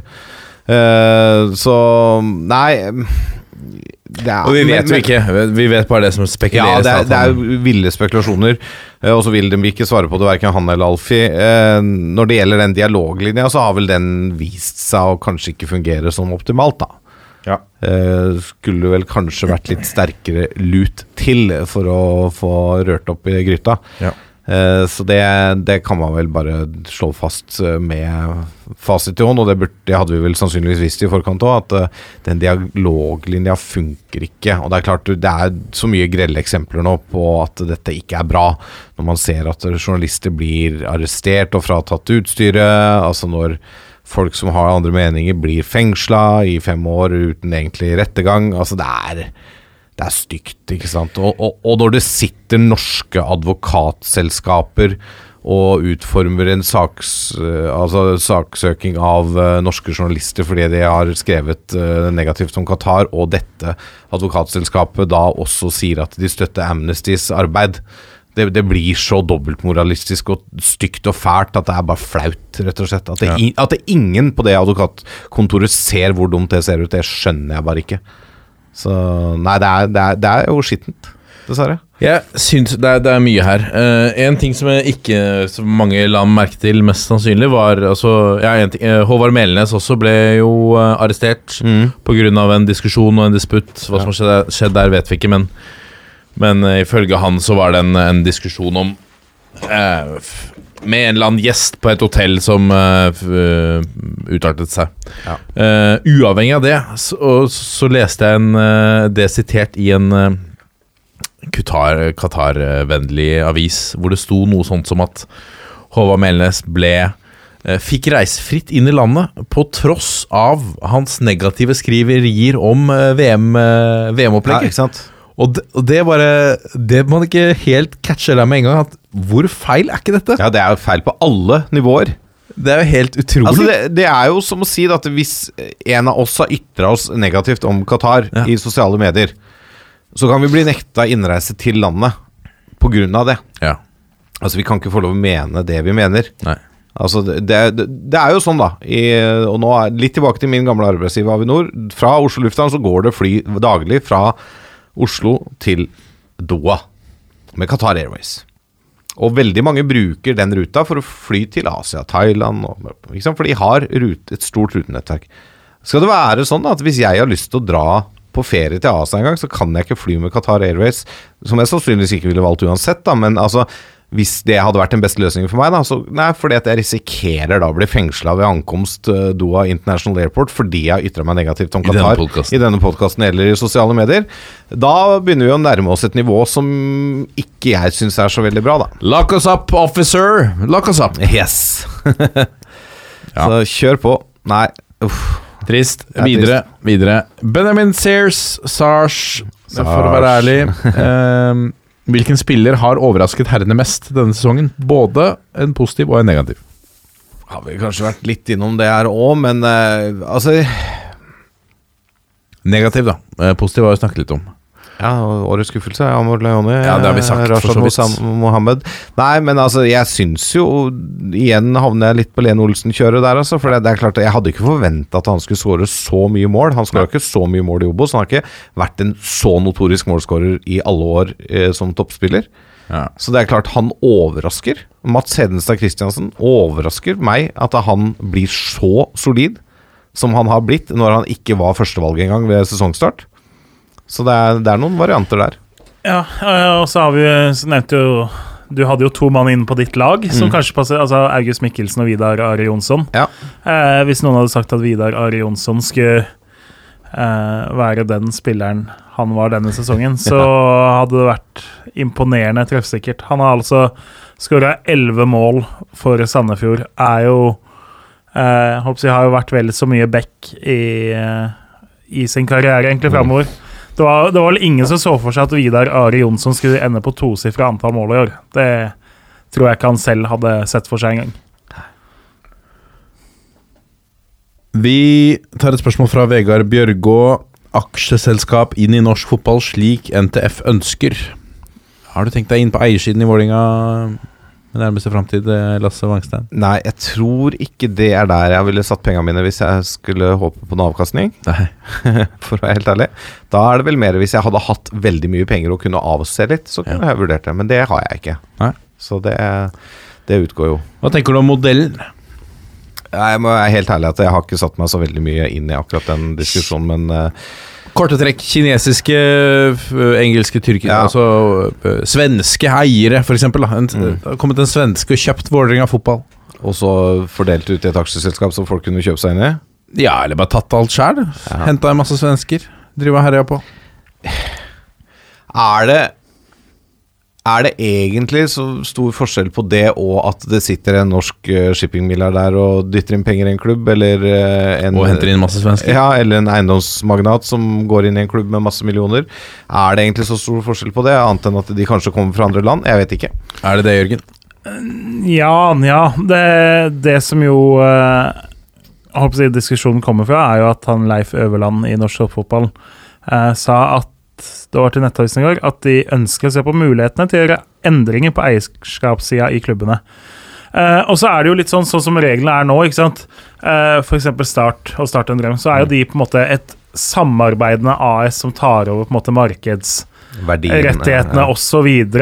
Uh, man eier jo ikke klubben på samme måte som uh, Abramovic eier Chelsea, f.eks. Mm. Du eier et samarbeidende AS. Så det Øverland vel sannsynligvis hinter til, er vel at man ønsker seg en modell hvor, eh, hvor norsk fotball og hvor norske fotballklubber vil være på en måte mer eid, da, på den måten vi ser i Premier League og mange andre steder. Og dermed gjøre det mer attraktivt også for eh, utenlandske investorer eller eh, oligarker eller eh, oljefond fra et arabisk land å eie noe i Norge. Ja. Eh, og så er jo det ut fra da et sånt uh, businessperspektiv. ikke sant? Toppfotball er business, er han sitert på. At uh, her handler det om å få inn penger. Her, det er Blodpenger, så her nå. om, om det er en oligark eller om det er en uh, laksemilliardær fra kysten av Norge, det er på en måte litt samme. Penger er penger, en krone er fortsatt en krone, uansett om den kommer fra den eller den lomma. Det er jo det perspektivet. Og så mener jo jeg da at jo, vi har jo eiere med litt sånn gåseøyne i norsk fotball, altså Røkke f.eks. og Molde. Eh, men det, der norsk, eh, det man jo står i fare for å miste, er jo demokratiet inn i klubbene. Eh, selv om Røkke og Gjelsten bestemmer mye i Molde, og eh, egentlig deres sportslige suksess står og faller på de, så er det jo fortsatt en medlemseid klubb. Eh, og det er jo det vi eventuelt kan stå i fare for å miste. At eh, vi, de som er medlemmer av en klubb, plutselig ikke vil ha noe å si. Vi har jo sett årsmøte bl.a. i Rosenborg og Brann i ganske nylig framtid med veldig høy temperatur og veldig mange meninger. F.eks. den kunstgressdiskusjonen i Bergen nå eh, tidligere i år, som jo virkelig viste det jeg mener er styrkene ved fotballdemokratiet. At eh, det er faktisk supporterne, det er medlemmene som til syvende og sist bestemmer i sånne saker. Det er en styrke for sjarmen. Det, det er en svakhet hvis du ser på fotballen som ren business, og Eliteserien kun som business. Da er det negativt. Men, er, det, eh, er det svart-hvitt, da? Altså, Er det enten-eller? Kan man ikke ha en, finne en løsning hvor Ja, man åpner for å hente penger på den måten, men samtidig så er det deler av klubbdriften som må Det må ligge det klubbdemokratiet i bunn, da. Ja. På enkelte typer avgjørelser. Altså, jeg, jeg, jeg vet ikke, jeg bare legger det ut der. Men uh... Høres uh, ikke ut som en dum modell. Altså Det du sier, er ja til penger, uh, men fortsatt demokrati. Men da er jo spørsmålet om det er attraktivt nok, da. For de eierne som har gått inn i danske klubber, f.eks., eh, som jo tenker på det som Business. kjøp og salg, eh, til syvende og sist. Eh, kanskje, Hvis du står i fare da for at du har bestemt deg for at kunstgress er mest økonomisk eh, lønnsomt, og så kommer det 112 supportere og velter det på et årsmøte, da er du kanskje ikke så interessert i å eie Nei. den klubben lenger, da. Nei. Nei. Så Ja, er jeg, jeg er per definisjon veldig skeptisk, og så er jeg også interessert i å se hva det faktisk er Mm. NTF eh, mener da, å, å legge frem. Ja, for jeg, jeg tror nok hvis Sånn som fotballen har blitt internasjonalt, da, så tror jeg hvis norsk fotball skal henge med, både i utviklingen av egne spillere og landslagsframtid og de tingene der, så må vi jo opp og nikke på nivå med konkurrerende land. Ja. Uh, på et eller annet nivå, og da, da Men det får vi finne ut hvordan løsningen de faller ned på. Ja. Marius Nettels lurer på hva hadde navnet på femmerlaget deres vært om dere hadde vært med i en romjulsturnering? Femmerlaget vårt hadde jo hett toppfotball. Ja, ja, men det Nei, vi måtte kalt oss noe annet. Det, det er jo hele greia, du må kalle noe litt sånn rart, vet du. Ja, i, ja, mitt Ja, ditt, ja. hadde jo blitt det samme som fantasy-navnet mitt. Og det er Fluenes herrer. Fluenes herrer, ja. Det er litt sånn eh, femmerlag. Det er femmerlag. Ja. Ja. Kun fluefiskere. Med på det laget. Jeg husker et legendarisk Jeg kan ta det mens han tenker. Eh, legendarisk navn eh, på eh, Da vi spilte sånne Umbro-cuper. Jeg har vært med og spilt på. Eh, eller Cola-cuper, het det i sin tid. Ørn også. Horten United og sånn. Nei, nei, nei. nei. Eh, det var Alle for saft. Alle får saft, ja. Den er fin. ja det den var er et fin. Fire grønne og en lærer var et annet lag. Eh, det er også sånn Five-Side-navn. Hva har du? Folk flest er idioter? Nei. Ja, eh, det- eventuelt så gå, gå for den der klassikeren med nederlaget eller ozonlaget eller et eller annet sånt. Også. Den er fin. Men den er litt sånn 2004-innekutt, Men eh, kanskje? Ikke si det. Min, far, min fars eh, quizlag heter Ozonlaget. Jeg har trykt opp eh, T-skjorter til dem med som bilde av en måne og Ja. Ja, da. Så den Nei, men jeg- jeg- 04, den fatteren. Uh, Folk flest er idioter, stemmer jeg for hvis vi skulle hatt et Folk flest er idioter. Ja. Ja. bilde av Jørgen på magen på drakta. Geniet. Geniet. Um, skal vi ta jeg, jeg, da, Hvis jeg skal følge opp mitt fancy-navn, er Fantos FC. Det er, eh, Fantos er en litt for stor del av mitt liv for tida. Det er broren til uh, Fantorangen. Er det det, ja? Riktig. Dessverre. Ja. Dessverre. Jeg hadde Birken Allstars en gang. Eh, kan jeg komme med et uh, lyttespørsmål? Til oss. Til uh, panelet? Det ville jo vært litt ille om du stiller det til deg selv, for så vidt. Men... det er jo ikke jeg som stiller det, da. Vi har fått Ja, for du er en lytter, er du ikke? Jeg er også en lytter. Ja. Eh, vi har fått et lyttespørsmål Ja. eh, til dagens episode i podkasten.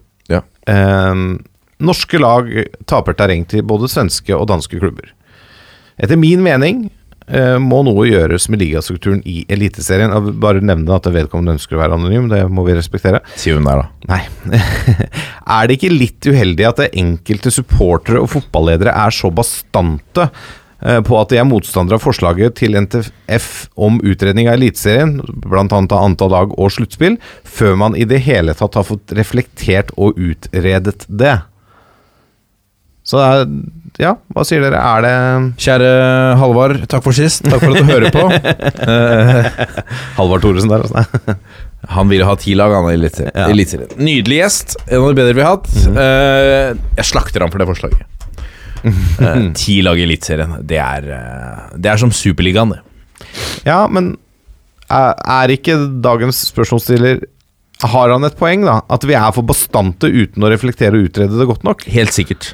Jeg tror vi argumenterer, i hvert fall jeg gjør det, eh, med mest eh, kjærlighet Ja. og frykt. Mm. Eh, også litt sånn, hva skal vi si, mindreverdighetskompleks, da. Jeg er en Ørn Horten-mann. Jeg har alltid hata andrelagene. Um, og egentlig hatet alt som f- eh, Altså eh, prioriterer de største klubbene. Ja. Aldri likt Ja. i hele tatt. Så når folk snakker om at nei, men det er jo det og det er best for utviklingen osv. Jeg har sett alle de som har, som har jobbet beinhardt for å få lov å debutere i Lystlund på Ørn Horten sitt A-lag, kontra om de skulle spilt for eh, Skjetten 2 et eller annet sted. Altså, eh, det er eh, Um, det er en veldig stor forskjell da, som, jeg, som jeg står og brenner på. Jeg har ikke noe signifikant uh, datagrunnlag for å si det, men jeg tror det spiller litt rolle å spille for et A-lag, f.eks. Litt høyere opp i divisjonene. Det gjør noe med byen, det gjør noe med stedet, status og fotballgleden, spillegleden for veldig mange, da. For publikum osv.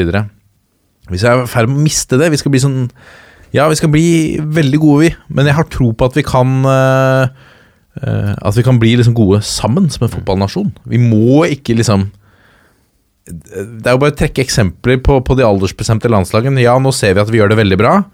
Ta, ta den gutte 15, gutte 16-generasjonen nå og snakk med de om ti år, og se hvor mange av de som fortsatt spiller. Det er en gjennomgangsmelodi. Og det er et poeng der som ligger i at det er ikke alltid at liksom å være best akkurat nå gjør at vi lykkes om fem år, da. Men er vi i norsk fotball og norsk supportermiljø ofte litt for bastante og litt Altfor romantiske. Ja, ikke sant? Ja. Er, det, er det det det går på? Litt eh, rom, Altså at man er for romantiske? Ja, men det, fotballen er romantisk for Ja, meg. ja. ja. Og det, Så det er å sagt, det, altså. argumentere fra et litt sånn faktabasert grunnlag blir også litt som man vanligvis skal gjøre, da. Mm. At man eh, Ja, hvis vi vil bli aller best i verden, så er det kanskje veien å gå. Er det det vi tror at vi kommer til å bli? Nei, jeg tror ikke det. Eller kommer vi til å ødelegge masse på veien før vi blir en topp ti-nasjon i Europa? Det er det jeg er Mm. Nei, det er gode innspill. Jeg syns det var et godt spørsmål. Absolutt. Gøy, eh, gøy å diskutere. Jørgen Kjernås. Jeg føler vi har hatt den veldig mange ganger, da. Jeg, Ja, det er sant. Uh, jeg Denne podkasten er nesten laget på det spørsmålet. Ja, egentlig. Uh, jeg tenker jo litt sånn at det Jeg har til gode å se de gode bevisene for at norsk fotball skal bli bedre av å ha færre lag. Jeg ser de positive delene ved at vi har uh, flere, da. Som du sier, altså det er flere får sjansen. Vi får spredt Norge er et geografisk svært land. Vi kan ikke sammenligne oss med Danmark, fordi uansett hvor du bor i Danmark, så er du, føles det som du er et kvarter unna en superligaklubb, ikke sant? Eh, fordi det er Bare er du på Jylland der, så det går jo så fort å kjøre gjennom ikke sant? halve Jylland, og på veien så passerer du fire lag, da. Mens eh, i Norge, hvis du hadde tatt ti lag, da, og så forsvinner da Tromsø ut, og så går det litt nedover Bodø, så har du plutselig hele Nord-Norge uten eh, lag, da. Og så har du liksom Sørlandet har jo lag oppe en gang hvert femte år, og så liksom, plutselig så står du igjen med at du har Trondheim, Oslo, Bergen og Molde, og så har du en eh, ti lag som rullerer på. Eller kanskje ikke Bergen hadde vært fast da, for å si det sånn, men eh, Nei, jeg, jeg eh, er ikke liksom låst Eller jeg er litt låst by default fordi jeg føler jeg aldri har fått de gode argumentene eh, for. Det blir Og så mister vi, sånn som nå, da. Brann utligner borte mot Bodø-Glimt. Det er bunn mot topp. Vi får en syk siste runde. Eh, vi mister alle de tinga. Du mister så mye av den magien med for eksempel si, altså Vålerenga-Lillestrøm blir ikke det samme hvis den skal spilles fire ganger hver sesong i serien, og så møtes du en gang i et sluttspill i tillegg, liksom. Vålerenga-Lillestrøm er ikke like gøy fem ganger i året som når det er én hjemmekamp og én bortekamp. Jeg husker jo det da de var så veldig tydelige på at det skulle være en treningskamp òg, mellom Vålerenga og Lillestrøm. Og så hadde du cup i tillegg som plutselig ramla inn der, så du fikk fire kamper i året. Det mista litt av sjarmen, da. Når du liksom skulle bruke en treningskamp for å liksom bygge opp under rivaleriet. Du gjør jo ikke det. Så jeg, altså, jeg er jo enig. Men det, det minner litt om den VAR-diskusjonen også, da. Mm. Som er jo en, noen andre fotballeksperter som mener det at nei, vi, må, vi må ha VAR at vi er nødt til å Altså, Vi kommer ikke rundt det. Vi er nødt til å ha det for å henge med i internasjonal fotball. Jeg skjønner ikke det argumentet. Hvorfor må vi ha videodømming for å henge med i internasjonal fotball? Og så sier de at ja, men da vil du ikke få internasjonale dommere. Å ja, ok. Ja, greit. Er det, går det, det går helt fint for meg, i hvert fall. Begynn med mållinjeteknologi, da. Så vi kan, ja, men skal vi liksom skal vi, Er det det vi snakker om? da? Skal vi dra ned opplevelsen for så mange på tribunen fordi vi er keen på at én eller kanskje to dommere dømmer i Champions League? Ja.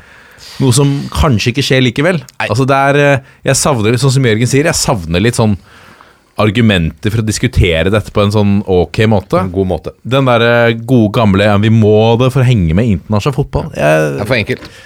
men er nesten på grensen til hersketeknikk. ja, nå skal jeg herske, med, herske litt eh, teknikk, jeg òg. For da, da følger jeg opp uh, og at vi er litt romantiske, Ja. og at vi snakker om hva som er bra og dårlig for norsk fotball. For det er Marius som spurte om femmerlaget. Ja. Han har jo også spurt rykker Koffa opp, og er det i så fall bra eller dårlig for norsk fotball? Kjempedårlig. Ja, det er kjempedårlig. Nei, det er jo Men rykker de opp, da? Romantisk, selvfølgelig. Er Rykker Koffa opp? Nei, vi snakka litt om det tidligere òg.